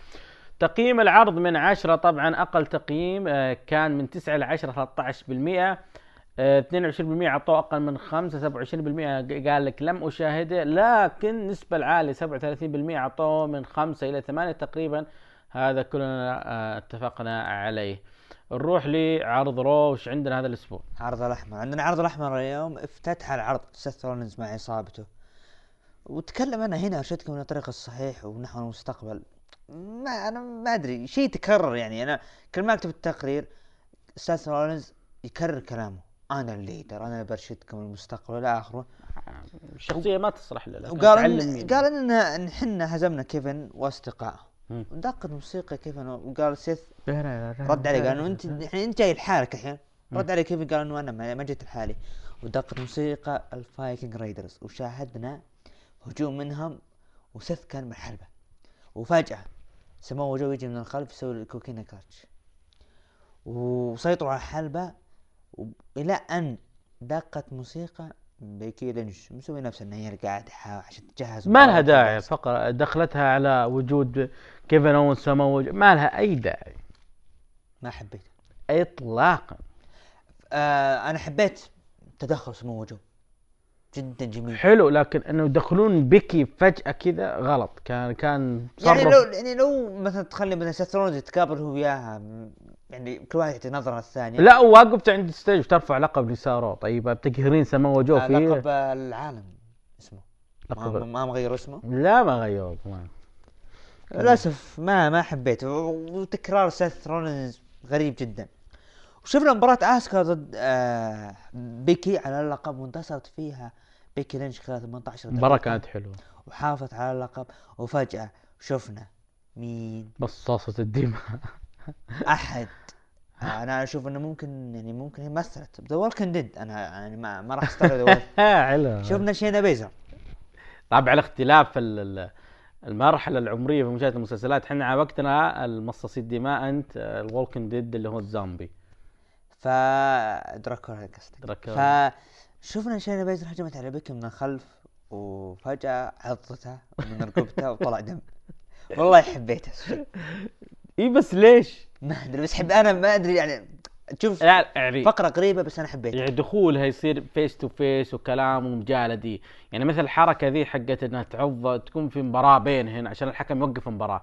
فاهم أنت إنه خير إن شاء الله ليش عضتيها؟ يلعبوا مباراة عش- جاية بينهم مباراة عضاضة آه، ما ندري بس حلوة. هي آه، حلوة. شوف فقرة غريبة بالنسبة لي لكنها حلوة. أنا حبيتها. مرة توحش. على فكرة دبليو شالوها من اليوتيوب اللقطة هذه. آه على طاري شينا بيزلر ترى تريبل خايف. خايف عليها. وما هو وما هو حاب تصعيده لل roster الرسمي.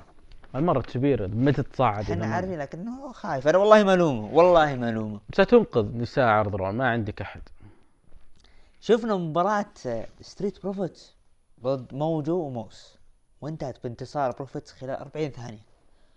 وبعد المباراة شفنا إنه موجو يحاول يهدي مو- موس لكن فجأة موس يخطف لقب 24 7 وهرب. فاز باللقب وهرب. عندك تعليق؟ أنا ترق وين ارتروث؟ يعني له خطة. أنا شوف أنا أتمنى. أتمنى ارتروث بالمانيا تبي خطة له؟ خليه بالمانيا والله بختي. عموما أنا أصلا ما اقتنعت بحقة موس وموجو راولي الثنائية. ما اقتنعت فيها ولا رو رو بدا بدا بدا يصير آه، يعني بدا إنه يضعف أكثر من الأسابيع. تجيك الحين الفقرة اللي رفعت يلا عطنا. تقولي ما راح يطلع خلاص. مين؟ إم في بي ما راح يطلع. ابدا ما راح يطلع. طيب. شفنا دقة الموسيقى. آه طيب. الأسطورة. أوه. آه رقم واحد في ميامي. ترى كلكم أربعة أنتم اللي حافظين الفقرة هذه وعارفينها. إم في بي. نعم. رجع خلال برنامج VIP Lounge واستضاف الفائز في الرامبل درو. وتحدث إن أنت يا درو أنت عملت كل شيء. وهذا جهد وانت استحقيته لكن في ناس ترى يتحدثون من خلفك إنه أنت ما راح تصير وما أدري إيش والى اخره درو التفت الجمهور قال أنتم اللي تتكلمون عني؟ قالوا لا. قال إنه يجب ان يعني أنت يعني تركز ولا يعني لتحقيق اللقب وأنا مستعد أصير مدير أعمالك. رد عليه درو يعني أنت بتصير مثل مثل بول بول هيمن. قال لي يعني ما أنا أشوف إنها عادية. لكن أعطاه ظهره زعل MVP ودف وقال ليش تعطيني ظهرك؟ مع الأسف أيه. لقم شرح عليه. Claymore من درو. وقال قال ليش تعطيني ظهرك فجأة؟ ولقم Claymore من درو. مقبولة من درو ما عندي مقبول أول شيء الفقرة طولت.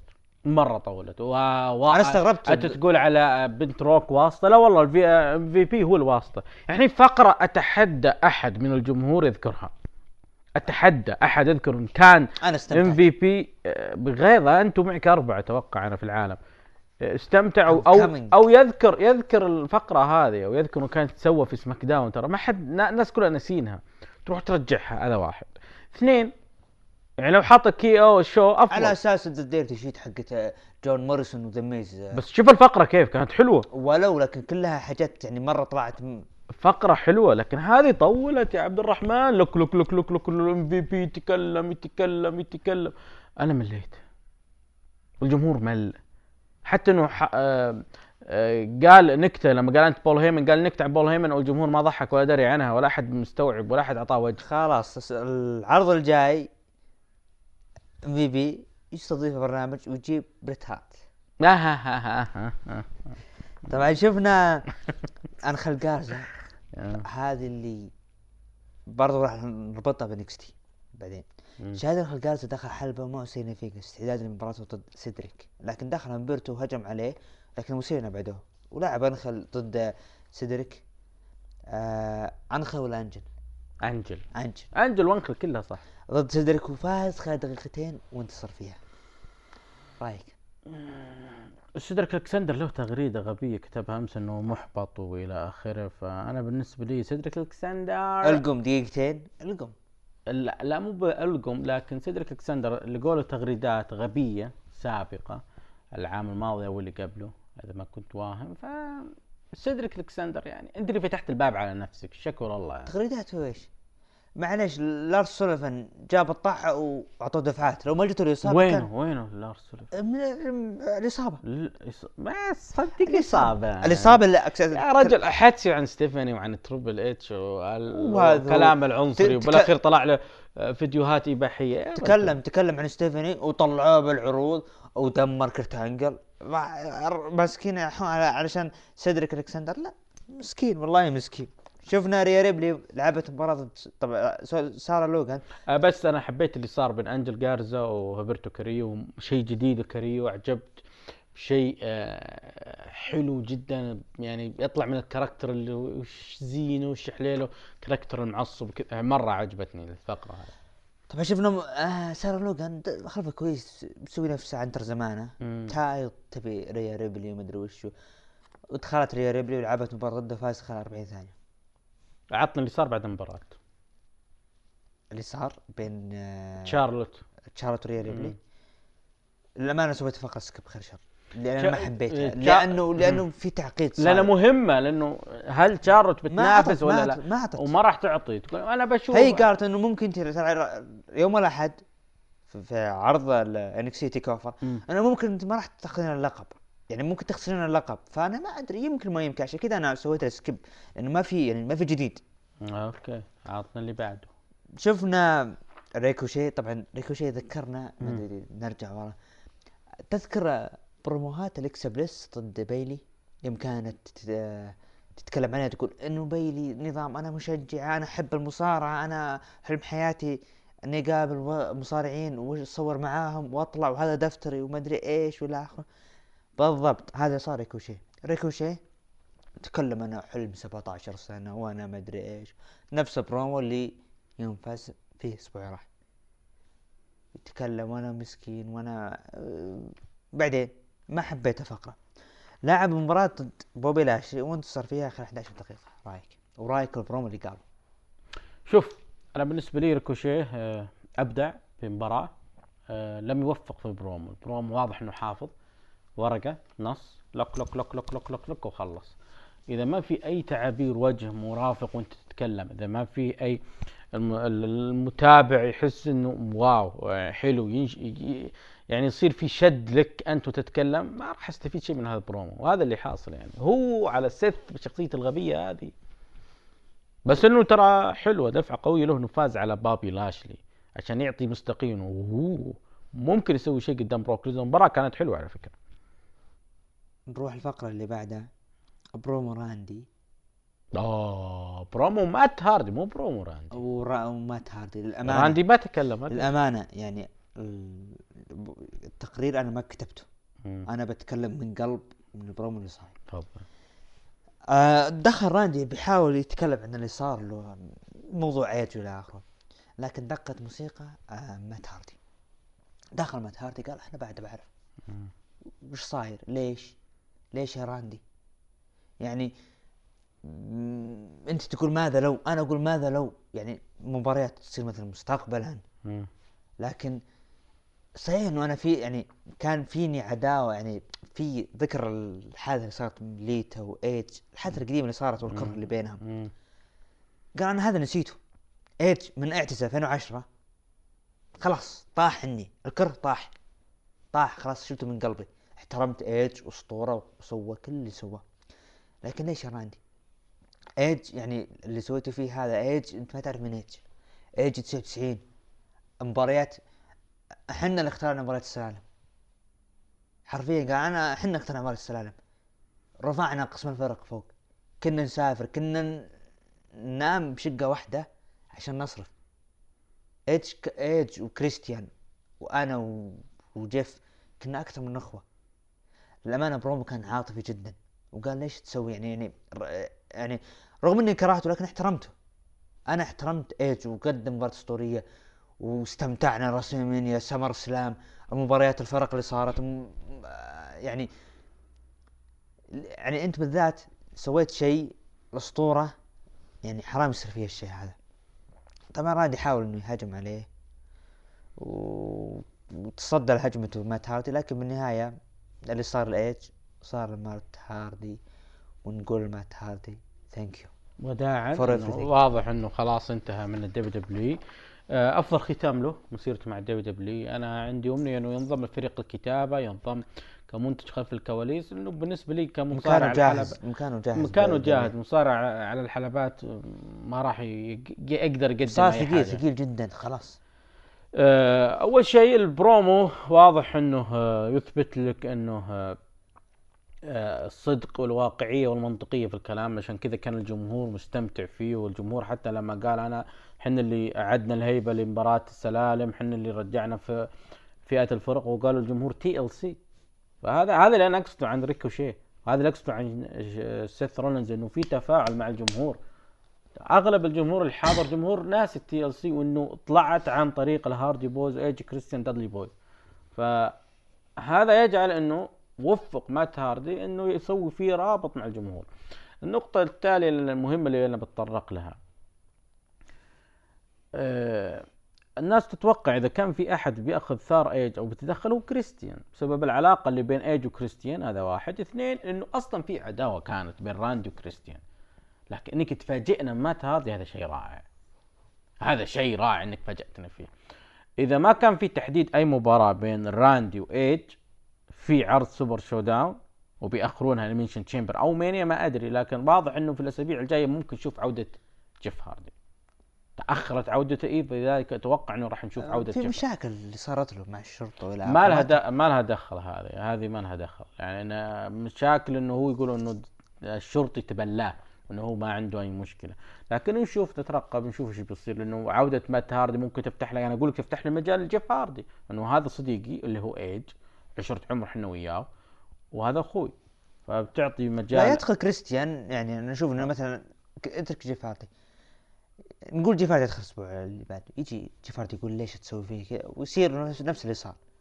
أنا جيف هاردي أنا ما عندي مشكلة ما عندك خطط لكن خ... سو...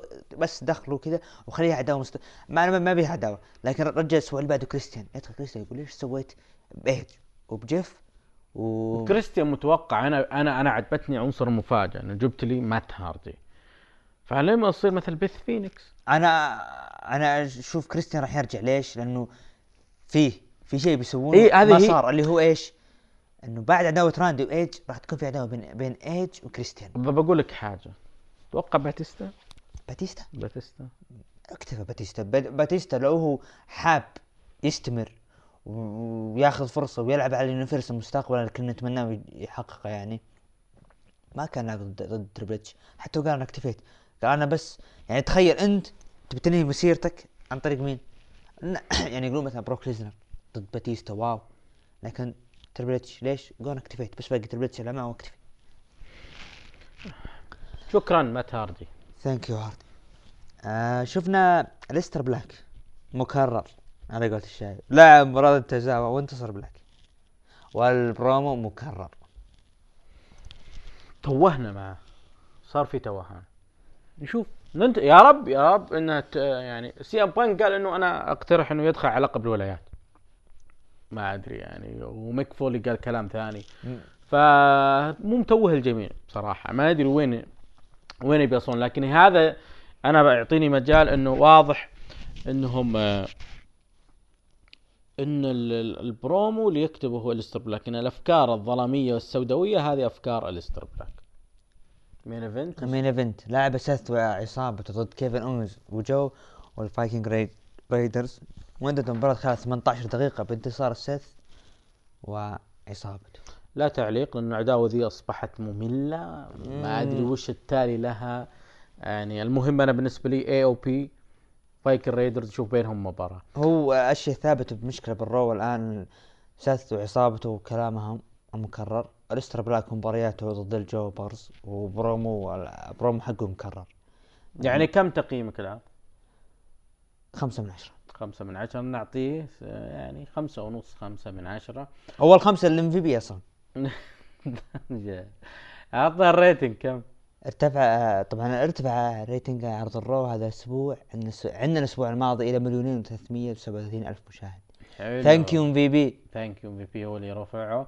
آه خ- 16% تقييم متابعينا لعرض رو 16% منهم اعطوه 9 من 10 17% اعطوه أقل من 5 23% قالوا لم أشاهد 42% اعطوه من 5 إلى 8 آه نروح الآن لعرض AEW Dynamite طبعا افتتح العرض بشيء جديد لهم الآن هذا الأسبوع الثاني والثالث يعني highlight صار الأسبوع الماضي. آه بعدين تكلموا آه آه promo لل Dark Order يتمنون التوفيق لفريق ال SCU في مباراتهم القادمة على ألقاب الفرق وهي مباراتهم ضد كيني اوميجا وهانجمان بيج. مباراة استغرقت قرابة الربع ساعة وانتهت بحفاظ كيني اوميجا وهانجمان بيج على ألقابهم. بعد شفنا ال Dark Order يدخلون آه لل SCU بعد شفنا Best Friends يدخلون. بعدين شفنا ال Butcher وال Blade دخلوا. وشفنا جاك إيفنز وأنجليكو دخلوا. وصار في جلد لين آخر من بقى على الحلبة. آه ال Best Friends وال Young Bucks. بعدها آه شفنا حديث عن اللي حصل لسانتانا الأسبوع.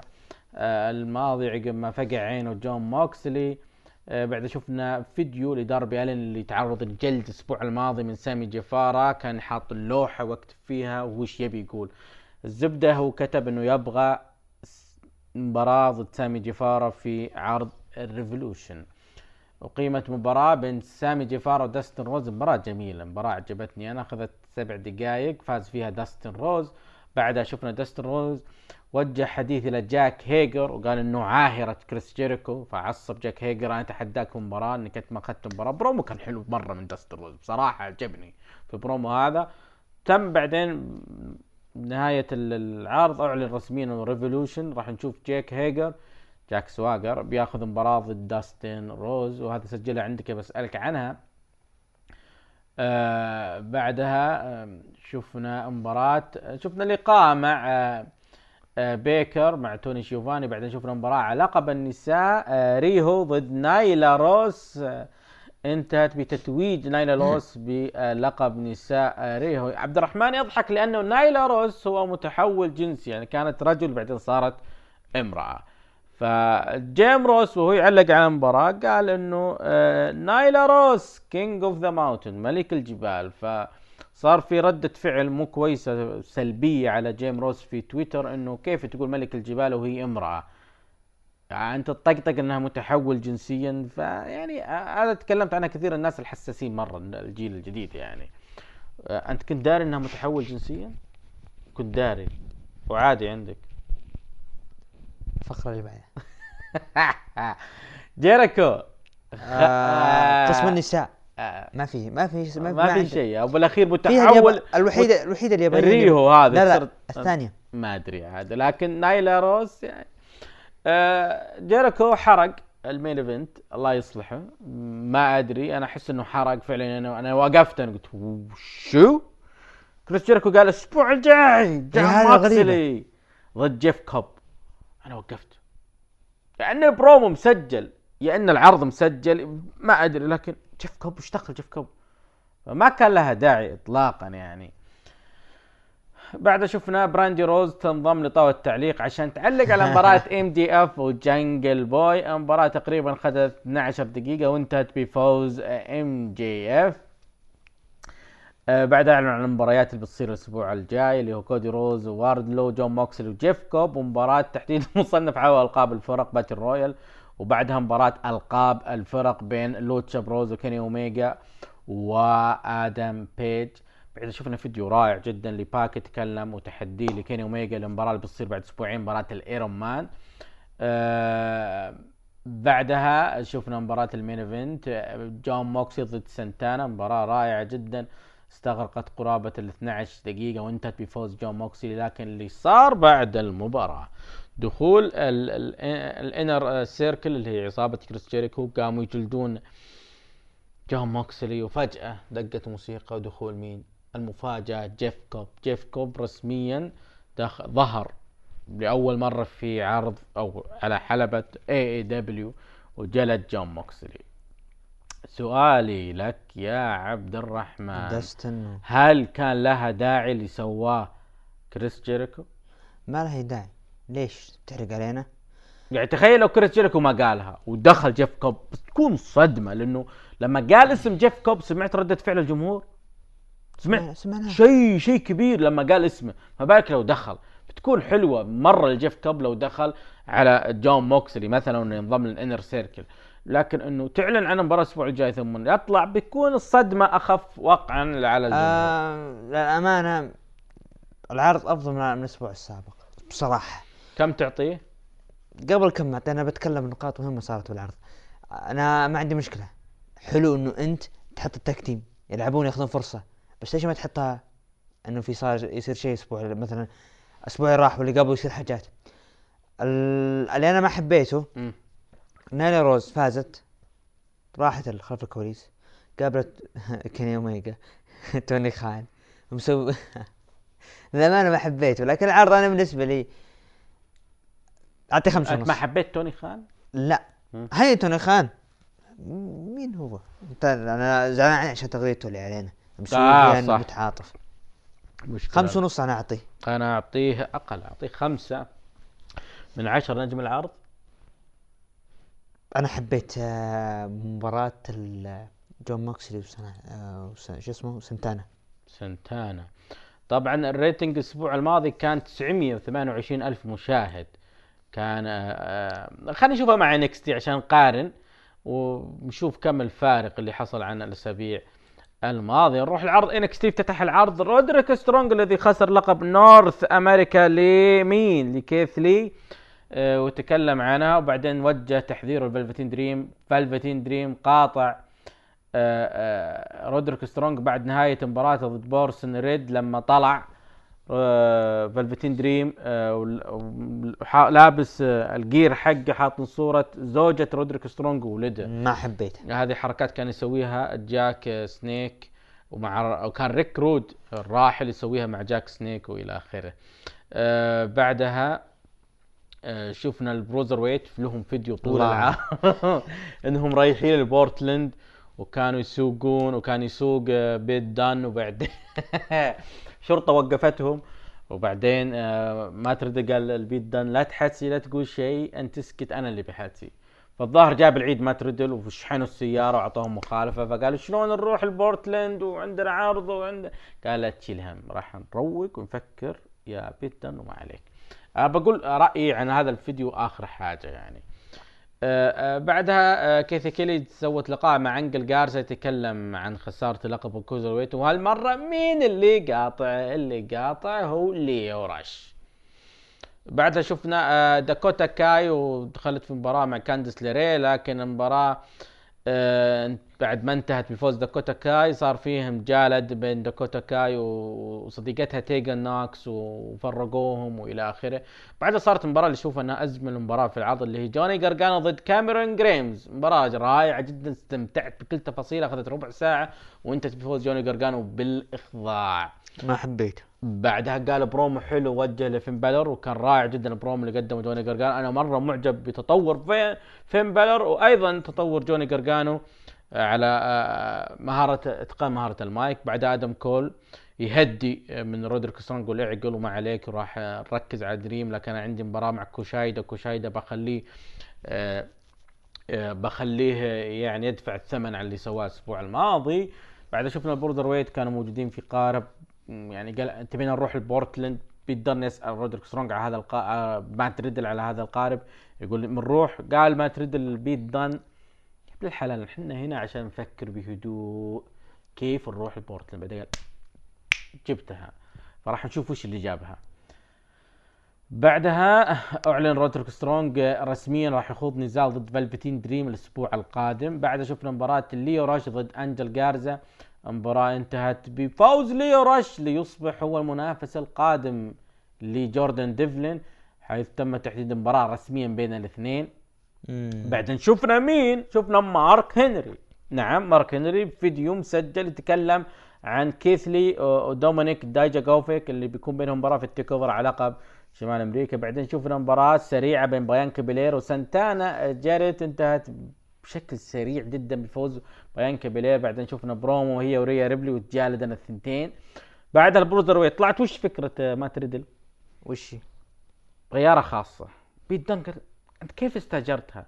كيف الحلال ناس؟ أنا إيش فيك أنت عيال نعمة؟ تعال بسرعة بس خلينا ندخل الكاس. دخلوا الكاس بعدين قال ادخل بحقة الشناط قال يا رجل ادخل. يدخلون حقة الشناط استغرب يعني إحنا داخلين سارقينه ولا وش سلفتنا؟ فجأة طلعت الطيارة الخاصة لمين؟ مين؟ لتروبل إتش. هذا أنا هنا ضحكت.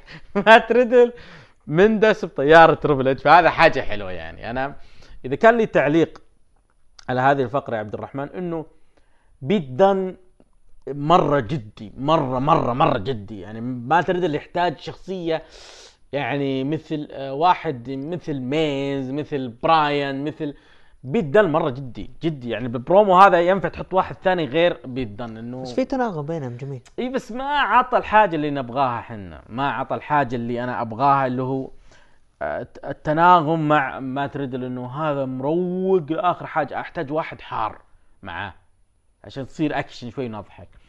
آه، بعد شفنا فيديو آه، برومو لتوماسو تشامبا يتكلم عن إنه هذه فرصته أخيرا وصلت إنه يستعيد اللقب إنه هو ما خسر اللقب هو سلم اللقب وهذه فرصته للانتقام من آدم كول. طبعا رسميا أعلن عن مباريات الأسبوع القادم. تشيلسي جرين راح ضد آه كايدن كارتر ورودريك سترونج وفلفتين دريم مثل ما اعلنا وأيضا لقب ال cruiserweight راح يتم الدفاع عنه. حامل لقب جوردن ديفلن ضد ليو راش. مباريات حلوة بتصير الأسبوع الجاي. بعدها ال main event. آدم كول حامل لقب NXT ضد كوشيدا. المباراة أخذت ربع ساعة وانتهت بفوز آدم كول بعد المباراة. تدخل مين؟ توماسو تشامبا. لكن ما صار بينهم حاجة. تخيل face to face كان بستعيد اللقب. قال هذاك معصب وبس. يعني ما تجالدوا ما تكامخوا ولا صار أي شيء بينهم. أفضل fallout أفضل go home لعرض ال TakeOver العرض جميل جدا لكن في سلبيات. لازم أقول فيها سلبيات. قول. كاميرون جرايمز من زمان ما طلع. طيب طلع وقدم. مباراة حلوة مع جوني قرقانو تخسر بالاخضاع ما حبيته. انخل جارزا نجي الحين للفقرة آه جوردن ديفلين وانخل جارزا انخل جارزا كان هو البطل السابق. يا عنده المفروض مباراة rematch. يا ليو راش إيش دخله؟ وهو البطل السابق اللي قبل أنجل جارزا بس. ما ما حبيت طيب أنا أقول حط ثلاثية يعني. حط ثلاثية حتى وفكنا هذه كلنا نلعب مباراة اعادة وخلاص اكتفينا. أنا أتمنى تكون في قصة للقب ال cruiserweight يعني. أنا في مواهب كثيرة في NXT UK. لو تاخذ فرص عليها مثل واجد يعني ما أقدر أ- إليا دراجونوف بيكون خصم آه، ترافيس بانكس يعني في هناك بيعطون فرص تايلر بيت why not تكون حلوة يعني لو يعطون فرص على لقب ال cruiserweight يعني ولقب mid-carder ل NXT UK بيكون حلو لكن إنه ما تحس إنه فيه هوية يعني العرض اللقب مخصص العرض two o o five live مم. ما أحس إنه في تشتيت. الع- جوردن جوردن كويس ألغى العرض. أنا بالنسبة لي الغى العرض خلاص. خلى اللقب يتم الدفاع عنه في NXT و NXT UK ووزع نجوم 205 Live هنا وهنا. بدل ما تجيب أنت يعني مثلا أنت تشوف ع... النجوم اللي طالعين في عرض 205 Live هذا الأسبوع. اوني لوركن داني بورش NXT UK. صح؟ صح, صح. س- آه، ال Singh Brother موجودين في Raw. أنجل جارزا موجود في Raw. Raw. بس توني نيس توني نيس اريا ديفاري براين كندرك ثلاثة بس. فأنا بالنسبة لي وزعهم على العروض أفضل لك. NXT TakeOver Portland اللي بيقام آه، فجر الاثنين القادم. آه، في ست مباريات. آه، ريا ريبلي راح تدافع عن لقبها. لقب نساء NXT ضد بيانكا بيلير. و- وما ندري حتى الآن هل شارلوت فلير واضح إنها بتكون موجودة وممكن إن ما ندري هل بتعلنها بتنافس على اللقب هذا أم لا. آه، مباراة مرتقبة الكل متحمس لها. فين بالور ضد جوني جرجانو. مباراة ألقاب الفرق آه، آه، أبطال بطولة دستي رودز الفرق آه، مات ريدل بيت دان ضد حامل ألقاب الفرق ال Undisputed Era اللي هو بوبي فيش وكايل أورايلي. آه، مباراة بين داكوتا كاي وتيجن نوكس مباراة من نوع قتال شوارع street fight. مباراة على لقب شمال أمريكا بين حامل اللقب كيث لي ضد دومينيك دايجاكوفيك. ومباراة ال main على لقب ال NXT آدم كول ضد بطل السابق توماسو تشامبا. أه وش المباراة اللي انت متحمس لها أكثر؟ أنا بالنسبة لي أنا منتظر مباراة آه، كيث لي دومينيك ديجاكوفيتش. لأن هذه أوكي مباراة مكررة لكن هذه على لقب. أنا بالنسبة لي متحمس العرض كامل رغم إنه بيكون هذا أول card فيه ست مباريات مباراتين اثنين الحريم. أه مباراة فردية واجد فيه فهذا شيء جميل بالنسبة لي إنه كل مباراة فردية ما عدا مباراة الفرق. فبتكون مرة حماسية يعني لأن أول كان تجميع تجميع تجميع. أه أنا متحمس الأسبوع الجاي عرض NXT آه، ما راح يكون مسجل راح يكون live وهذا شيء مهم إنه ما راح يسجلونه في العرض ال TakeOver عشان يبثونه. فبيكون عندنا الأسبوع الجاي آه، وجبة دسمة جدا من NXT تقييمك لعرض NXT هذا الأسبوع؟ ستة ونص من عشرة. آه، نجم العرض. نجم العرض آه Broserweight آه، Broserweight مات ريدل بيت دن أنا أعطيه سبعة من عشرة.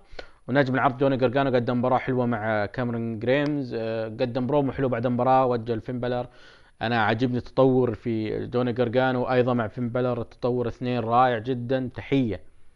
دائما أقولها لازم يعني شون مايكلز. شكرا على أن أنت تقدمه في NXT وأيضا NXT UK و NXT حقق آه rating 770 ألف مشاهد. طبعا هذا معناه إنه وال AEW Dynamite 928 ألف. لكن AEW ارتفع آه، ال rating بمقدار 100 ألف 100 ألف عن الأسبوع الماضي. شيء غريب. NXT 58 ألف. ف آه، يعتبر NXT ثابت. أم AEW Dynamite هو اللي أول ما بدأ كان rating مرتفع بعدها صار الآن لا، ما ال- وصل حتى الآن المليون اللي يعني. تستغرب إنه rating NXT يعني NXT يقدم عروض أنا بالنسبة لي أفضل من AEW وتشوف AEW زال ثابت هذا اللي أستغرب. يعني شيء غريب جدا. آه، تقييم متابعينا من عشرة آه، 11% أعطوه أقل من خمسة آه، 24% أعطوه من خمسة لثمانية 26% أعطوه تسعة إلى عشرة 37% قالوا لم نشاهد العرض.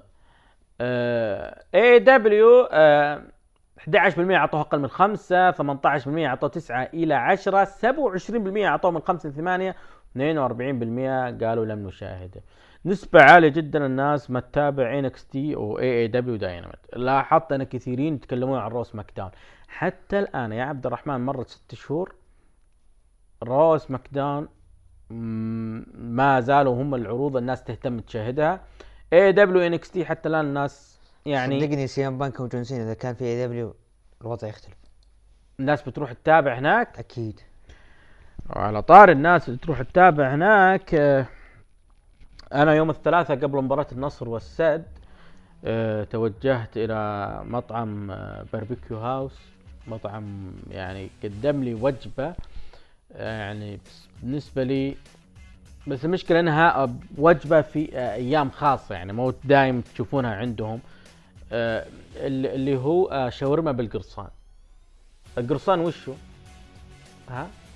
شنو خبز. النظام؟ الخبز بس إنه يصير رهيف ما هو عجينة يحطون فيه الشاورما يحطون فيه فكان وجبة رائعة جدا آه، ما هي شبه صحية إلا صحية يعني القرص أو القرصان آه، بالنسبة لنا يعني شيء من ال tradition عندنا هنا في نجد لذلك شيء وأيضا في الحجاز فشيء رائع إنه تكون في شاورما بالقرصان تشوفونها في آه، أو تلقونها في مطعم Barbecue House شارع الشهيد آه، طلال المانع في حي الاشرفيه في محافظه عنيزه.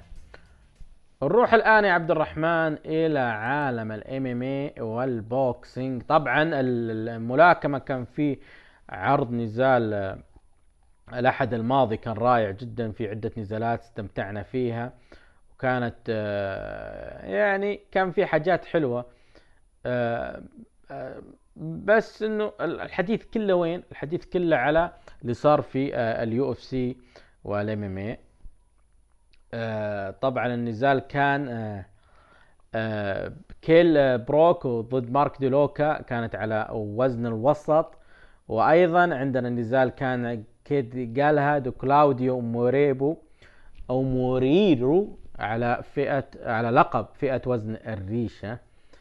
آه طبعا النزال آه البطل اللي كان الناس يتكلمون عنه آه اللي هو شو اسمه ذا؟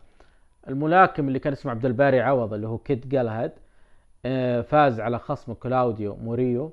بصراحة يعني كان نزال رائع جدا لكيد جالهاد سيطرة تامة على النزال. وصار هو الآن إحنا نسميه المصنف الأول. هم يسمون هناك الخصم الإجباري لبطل منظمة IBF جوش وارينغتون. ال main event آه انتهى بفوز كيل بروك بعد ما هزم مارك ديلوكا بالضربة القاضية ليحافظ على لقبه. طبعا الملاكم بيلي جو ساندر قال أنا مستعد للذهاب إلى المكسيك لقتال كانيلو نجعل ذلك يحدث. وإذا لم يقاتلني اللي هو كاني- كانيلو راح يقاتل كالوم سميث. يعني نزال مرتقب الناس في محبين الملاكمة بيرتقبوا ترقبونه طبعا أعلن عن البطاقة الرئيسية لنزال غارسيا ضد فارغاس وهي خوليو سيزار مارتينيز ضد جاي هاريس. على حزام منظمة WBC لفئة وزن الذبابة. خالد يافعي راح يخوض نزال على حزام منظمة WBA لوزن آه، فئة الذبابة ضد رومان جونزاليس وأيضا جوزيف باركر راح يخوض نزال ضد شوندل وينترز على نزال على حزام الوزن الثقيل. آه، أيضا EA Sports تذكر ما أنت تذكر كنا نلعبها بالبلاي ستيشن والسيجا EA Sports the game. اي فأعلنوا بيرجعون لعبة الملاكمة Fight Night وبتكون متوفرة على ال Xbox وبلاي ستيشن 5 آه على أجهزة الجيل الجديد. على أجهزة الج- الج- الأجهزة الجديدة. طبعا آم، فيها حديث إنه بيصير في نزال لتوحيد ال- الوزن الخفيف في منظمة اي بي اف دبليو بي أو ودبليو بي اي بين لوماتشينكو ولوبيز في 30 مايو. أيضا بطل منظمتي اي بي اف ودبليو بي اي أحمداليف. احتمال يكون آه، خصمه القادم هو إيواسا من منظمة IBF واحتمال إنها تقام في اوزباكستان وتكون في الصيف مليان الصيف هذا. رسميا أعلنت منظمة Matchroom Boxing لإيدي هيرن عن توقيعها مع بطل منظمة IBF لفئة وزن الريشة جوش وارينغتون.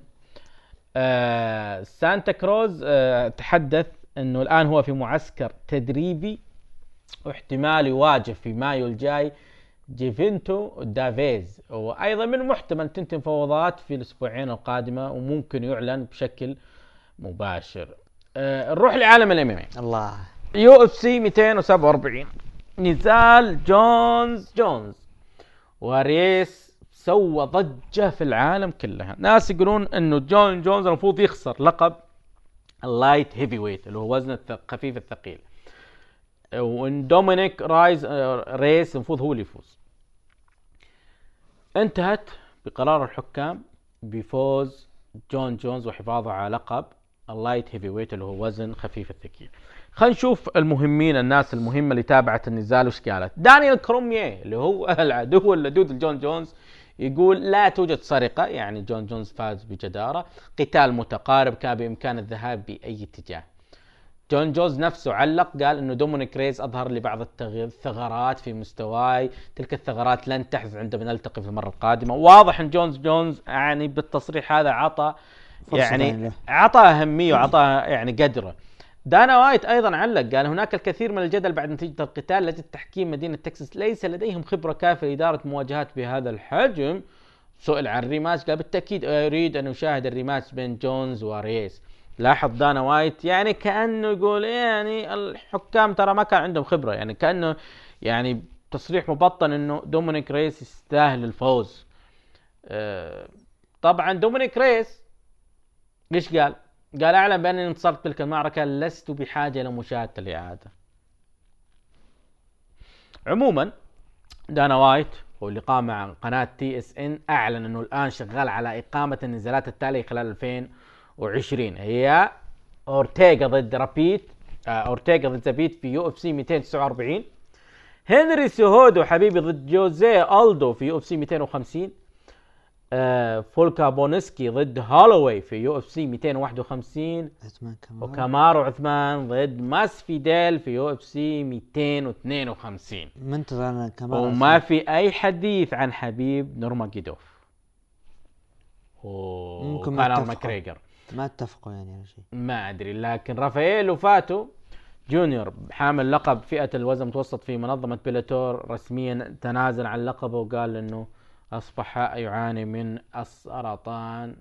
ندعو الله سبحانه وتعالى للجميع. مرضى هذا المرض الخطير الشفاء العاجل. دارين تيل مبطين عن اخباره رسميا وافق لمواجهة جاريد جاريد كانونير. وممكن النزال يكون آه، آه، في مارس القادم في عرض UFC الجاي 248 آه، دوغلاس ليما أعلن رسميا إنه سيواجه غيغارد موساسي على لقب فئة وزن متوسط في مايو القادم. نختم مع لقاء سواه بطل UFC جون جونز ل Sports Illustrated تكلم فيه عن احتمال ظهوره في عالم ال WWE جونز يقول أعتقد أنه أمر لا مفر منه. لقد كنت دائما أحترم ال WWE وأشعر أن الوضع هناك جدا متقارب مع عالم ال MMA. لدي يا كونر ماكريجر لدي البنية الجسدية وأملك اللياقة التي سوف تسهل علي انتقالي لهناك.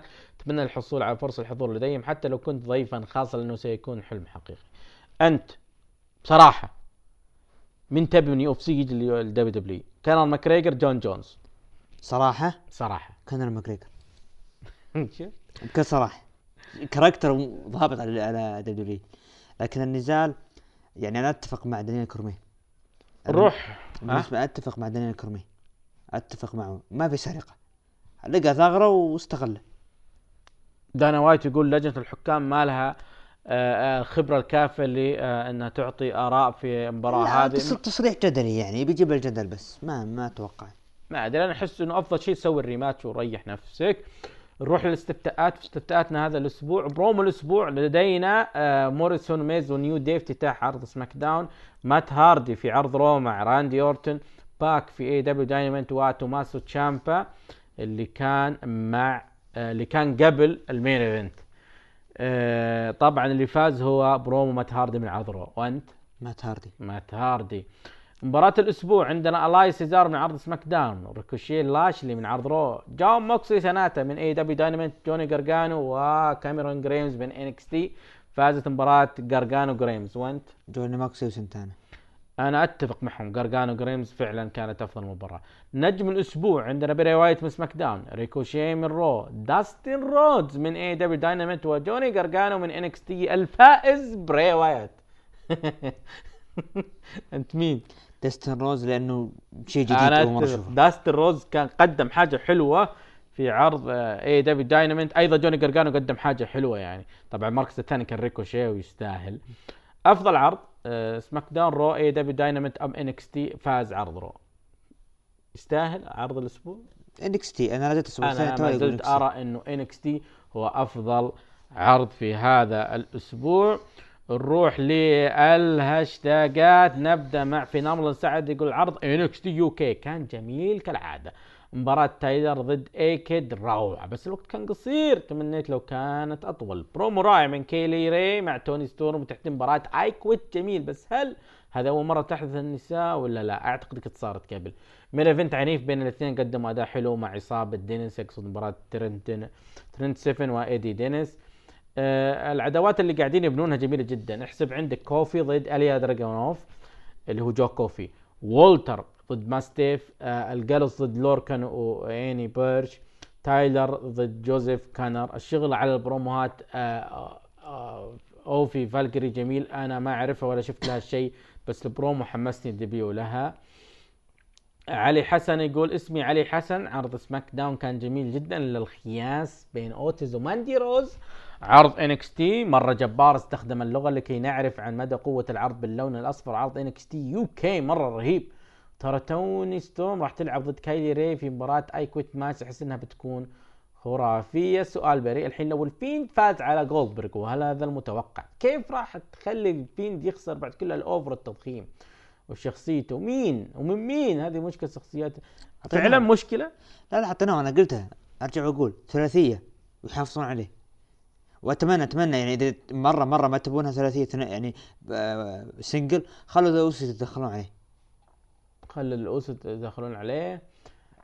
The Fiend يقول في تسريبات تؤكد إن ذا إنه The Fiend يقول هذا The Fiend يتكلم عن The Fiend ما ندري المهم يقول راح يحتفظ بلقب الكون وراح يهزم جولدبرغ جولدبرغ فاشل كمصارع عشان مشكلة هزم كيفن اونز راح تسبب إصابة نزاك السنة الماضية. كل مشجعين المصارعه يكونون جولدبرغ يقولون فاشل مصارع. لا مو صحيح. هو آه جولدبرغ فاشل كمصارع؟ ما أدري لكن ف- ك... ك... كلامه مو صحيح لأنه ما صار في إصابة لأندرتيكر. اللي يصيب جولدبرغ نفسه هو اللي يصيب. دقيقة لا لا لا لا, لا أنا عندي. أوكي أنا ما إحنا متابعين WCW لكن جولدبرغ فاشل كمصارع؟ ما أدري يعني بس يقول إنه آه تكلم عن مباراة ال Mania راح تكون براين ضد The Fiend ضد رومان رينز هذه قلناها إحنا الأسابيع الماضية. يقول عرض آه Phenomenal سعد يقول عرض NXT مباريات يا عمي. آه العرض الشهري ما لك ليش ما تكمل عدوات بدل مباريات تقدر تسويها بالعرض. هل فعلا كان في في خلل في عرض NXT كجوهم لا. إيش كل المباريات الستة يعني كل المصارعين اللي لا عندهم مباريات ب NXT TakeOver طلع؟ آه، يقول لك عرض AEW خرافي بروموهات بناء مباريات debut جيف كوب plus MJF مجرم مبدع وحش. أتمنى أتمنى أتمنى بعد كل هذا يفوز على كودي. تقييمي للعرض تسعة مم. آه، نروح الآن للمداخلات الهاتفية. ونرجع لكم. نقول ألو. السلام عليكم. سلام مرحبتين. أهلا وسهلا فيك والله. من معنا؟ حسان؟ حسام حسام من جدة. نور حسام. حسان من جدة. كيفك حسان؟ آه، والله تمام بنعم الحمد لله. كيفك وكيف الدراسة وكيف جدة معاك؟ الأجواء إحنا برد إحنا إحنا الآن درجة الحرارة يعني عشرة يعني فما أدري كيف لا جدة جدة حلو والله اليوم. لا هي حلو رطوبة وإيش الحلو فيه؟ لا لا اللي هي عايز جدة الحين يعرف كلام. الآن جدة يعتبر جوها دافي لا هو مرة برد ولا هو مرة حار. يعني كم الدرجة عندكم؟ ممكن الصباح وصلت الصباح آه، مناطق إكثر لم فيه كثير يقول 10 9 لكن جدة وصلت إلى 19 20 21 17 20 هذا الصباح عندكم. أيوه في الليل نفس الجو يعني. إحنا 17 17 كذا الظهر ترى. نحن نحب نروح حدود 27 فالجو يعتبر جدا اليومين حلو والله. الحمد لله إن العرض ما هو عندكم حطوه في الرياض. عنصرية لا مو عنصرية عشان الجو يا أخي حرام عليك الجو يا أخي لا الجو لازم صارعين الدفان ما كثير طيب مداخلتك عن إيش؟ حتكلم عن حاجتين أول أيوة. شيء حتكلم عن المباراه السداسية اللي حتقام في Crown Jewel ال gauntlet match ها؟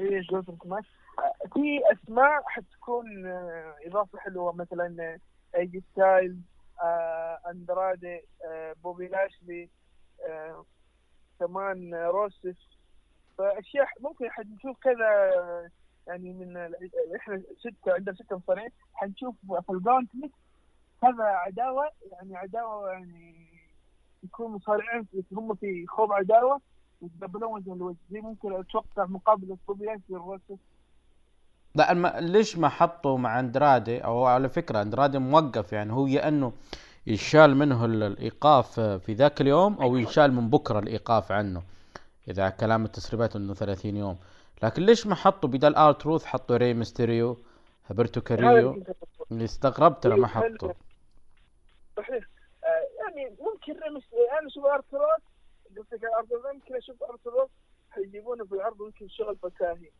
في المباراة حيكون شغل فكاهي أما إنه اضافه في المباراة لا ما في اضافه حيخرج سريع ترى توقف. بالنسبة لروين اريك روين أنا أشوف وضعه في المباراة الآن مقبول يعني ما أنت عارف آه، إيش إيش حيكون دوره في المباراة. آه، بالنسبة في موضوع ثاني حاب أتكلم فيه آه، على عجاله اللي هو مات هاردي. والنجوم اللي تعرض له السنة حركة حلوة من WWE إنه بدال لا يختفي فجأة إنه إنه يقول أصيب أو اعتزل إنه اللي قريته أنا باقي أقل من ثلاثة أيام وينتهي عقده فحركة حلوة. وكمان لو أنت تتابع عبر ال Raw أحس إنه MVP ابدع في البروم حقه. مرة إيش طول؟ مرة طول. مرة مرة اول طول. بس.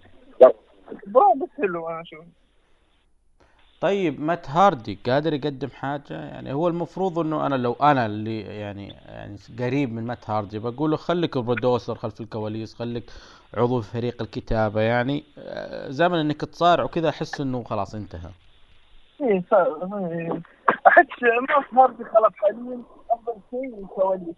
بالنسبة لل MVP زي ما هو صرح في كذا لقاء واخر لقاء قبل يومين تابعته يقول إنه بعد الان هو تقريبا منتج WW خلف الكواليس وأحس ممكن يبدأ في لا ما ما ما- فهمت آخر جزئية لأنه في عندك أصوات.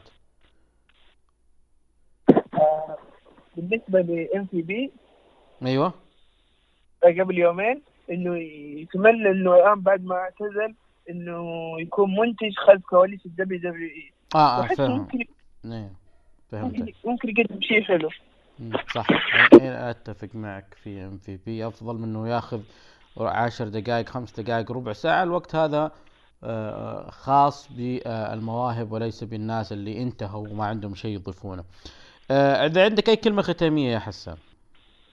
آه، أو أو شيء بس كلمة كذا إن شاء الله بإذن الله آه، نستمتع إحنا كجمهور سعودي عربي آه، في موضوع آه، العرض إن شاء الله. وأتمنى أتمنى بإذن الله نحل موضوع آه، الحقوق قبل آه، راس المال. نتمنى يعني. هذا تقريبا راس المال الماضي راح علينا قبل بفترة اللي كان مشترك إن راح عليه العرض ما تابعوا عن طريق القناة. انتهى وقت وهذه السنة آه، لازم يشوفون لنا حل لو موفق. حتى الواحد يقدر يتابع راسلمانيا الواحد طفش من من البثوث يعني مشكلة. كبيرة ما متعتها وانت تتابعها. والله الصوت عندك يقطع يا حسان لكن أنا فهمت الصورة اللي عندك. أنا بالنسبة لي ما راح يكون في أي ناقل هذا اللي أنا أحسه هذا اللي أشعر فيه. ما راح نشوف أي ناقل حصري في منطقتنا لل network حق WWE ولا العروض Raw و SmackDown.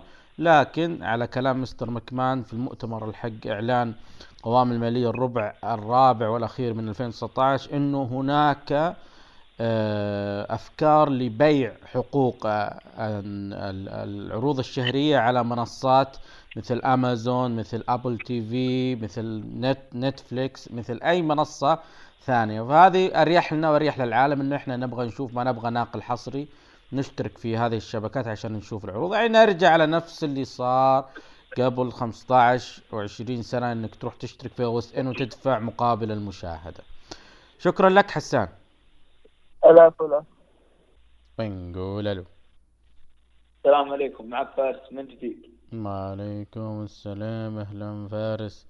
يا مرحبتين فارس. أول شيء أنا بقول لماذا هذا التنمر على جيرانكم الاتحادية؟ والله شوف أول شيء هو مو بتنمر لكن زي ما هم كانوا يعني يزعجونا في أحد الأوقات جاء وقتنا الحين إحنا نزعجهم. وناخذ حقنا. وخاصة أنا مشكلتي مع الاتحاد مشكلة واحدة. مم. إنك إذا جيت تتناقش معاه يجيب لك الماضي فقط. هذه هي المشكلة. أوكي. نروح للمصارعة. إيش عندنا هذا الأسبوع؟ عندنا يا طويل العمر السلامة عرض AEW واو. رأيك بيكون مهم جدا يا فارس يعني ها؟ كيف شفت العرض؟ أول شيء الصراحة عرض يعني بتكلم عن الفقرات أفضل شيء يعني نبدأ مع الفقرات. مم. أول فقرة عندنا اللي هي كانت آه، المباراة على ألقاب tag team إذا ما خاب ظني بين هانجمان آدم بيج و- وكيني أوميجا يدافعون عن بطولتهم امام SCU الصراحة فريق كيني أوميجا وهانجمان بيج فريق ممتع. مم. أنا عاجبني الصراحة ثنائيتهم. مثل ثنائيه ريدل وبيت دن حقيقة في NXT أنا أشوفهم يعني. مم. ثاني شيء فوز مستحق وأنا أشوف ال SCU لازم يا إنهم يتحولون لل heel أو يعني يدخلون في عداوات ثانية. خلاص بهذه الشخصية انتهى يعني أنا أشوف خلاص. حلو. يعني استغلت بشكل كبير. الفقرة اللي بعدها؟ الفقرة اللي بعدها عندنا مباراة بين آه، جاك. لا مو بجاك هيجر. جاك هيجر كان متواجد فخارج داستن. روز وسامي جيفارا. أيوه الصراحه كانت مباراة أيضا ممتعة وفوز مستحق لداستن روز. وأنا من يوم ما كنت أتابع المباراة كان ودي إنهم يعلنون مباراه بين داستن روز وجاك هيجر. والحمد لله في النهاية أعلنوها. والمفروض انه جاك هيجر خلاص يدخل في مواجهات. وأنا أشوف إنه هو الأنسب. طبعا في شيء خلنا أيضا نربط في هذا الموضوع اللي هو قالوا كودي رودز قبل كم تقريبا أمس قالوا صرح آه، مع مقابلة مع ديف ملتزر بأنه يعرف أنه كل الجماهير يبغون آه، لقب جديد ولكن هو قاعد يشتغل على هذه الفكرة وبيجيبها بأفضل شكل فأنا أشوف الأنسب أنه يكون مثلا واجهة ال mid-carder لفترة معينة مثلا راح يكون جاك هيجر الصراحة أشوفه مناسب أنت تشوف.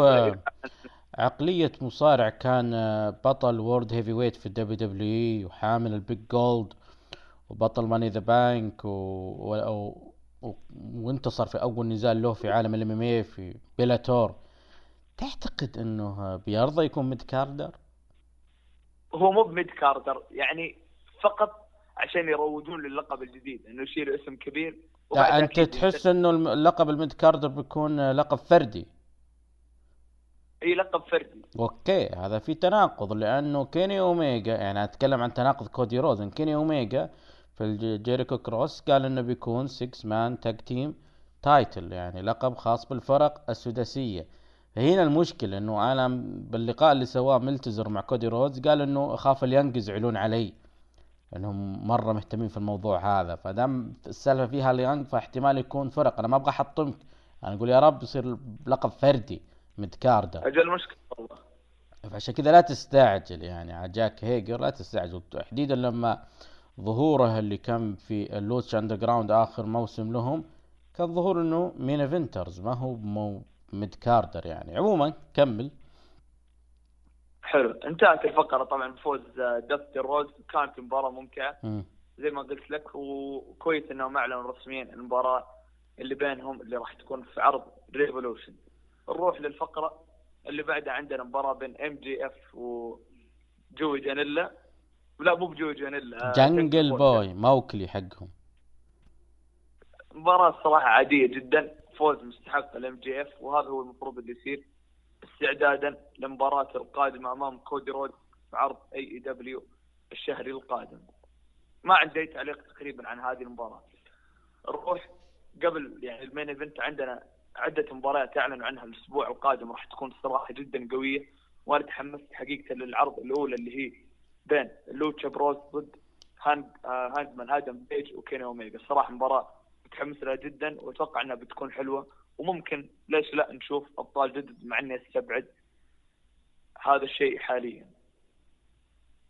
نروح للمباراة الثانية أيضا أعلنوها الأسبوع المقبل راح تكون battle royal تقريبا. مو battle royal بس إنها مباراة لتحديد المصنف القادم على لقب ال tag team في عدة فرق يعني كثيرة الصراحة. أنا ودي يكون الفائز من هذه المباراة هم سانتانا وأورتيز. النهاية- إنه أجواء كلها tag team tag team tag team مباريات مصنف أول. يعني صرنا نشوف مباريات مصنف أول أكثر من مباريات الفرق يعني. أو آسف مباريات الألقاب يعني صرنا أكثر شيء نشوفه يعني. حتى لقب ال women's أنت داري اللي اخذته هذا متحول جنسيا؟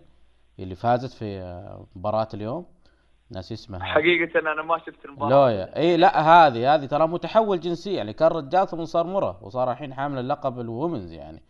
ف حتى كو... حتى جيم روس قال تصريح وناس قالوا إنه هذا يعني قال إنه king of the mountain قالوا آه أنت تقصد إنه كان رجال.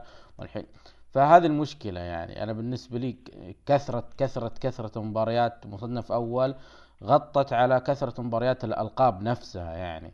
يعني يلا تحديد مصنف أول battle royal ما أدري إيه، وأغلبها على لقب الفرق. لأن تقريبا يعني الصراحة هو اللقب الوحيد اللي يقدروا يعني يستعملوه كثير. صعب إنك تخلي كريس جيريكو كل أسبوع يدافع عن لقبه. ليش تعطيه اللقب إذا؟ زي بروك ليزنر. ليش تعطيه اللقب؟ لأنه بروك ليزنر. هذه المشكلة. كريس جيريكو يبغى يصير بروك ليزنر وما راح تجي. لأنه تصريح الرومان رينز أمس ما أدري أنت شفته ولا لا وش قال رومان رينز؟ إنه بروك ليزنر هو الوحيد اللي مخلي اللي نسويه حقيقة وهذه فعلا. يعني جيب لي واحد يتابع ال pro wrestling أو ما يتابع ال pro wrestling وتقول بروك ليزنر بقول wow فكنا منه. فشيء صح. شيء جميل في زمننا هذا في حقيقة في ناس تصدق اللي يصير بسبة بروك ليزنر. عموما آسف على الشطحات ذي بس إنه كلامك ثري كمل. ونروح ال main event مباراة بين جون موكسلي وتقريبا أنا سنتانا سانتانا. yep. أي سانتانا.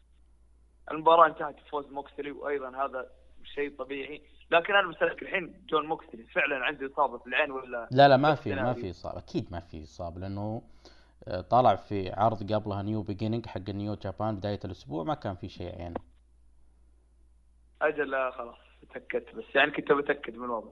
التقييم أنت الآن شفت عرض AEW Dynamite رأيك فيه بشكل عام بصراحة يعني هل يقارن بالعروض أول- الثانية؟ بس قبل يعني ما أنهي وأعطيك تقييم كل شيء أيضا في النهاية صارت فقرة إن تدخل عليه عدة مصارعين وأبرزهم مصارع جديد سمعت إنه والله أنا ماني متأكد من جيف كاب جيف كاب. هل هو كويس ولا لا؟ صراحة أنا ما أعرف. هو كان يقدم دور ماتانزا آه، آه، الوحش اللي كان موجود في Lucha Underground مقنع هو نجم ROH هو نجم NJPW لكن إنه بدون عقد حصري لهم. آه، كريس جيريكو للأسف حرق من بدري. آه، جيف كوب لما قال إنه بيخوض مباراة مع جون موكسلي الأسبوع الجاي ويكون ظهوره مفاجئ في ال main event فهذه تكلمت عنها في البودكاست فصلت فيها.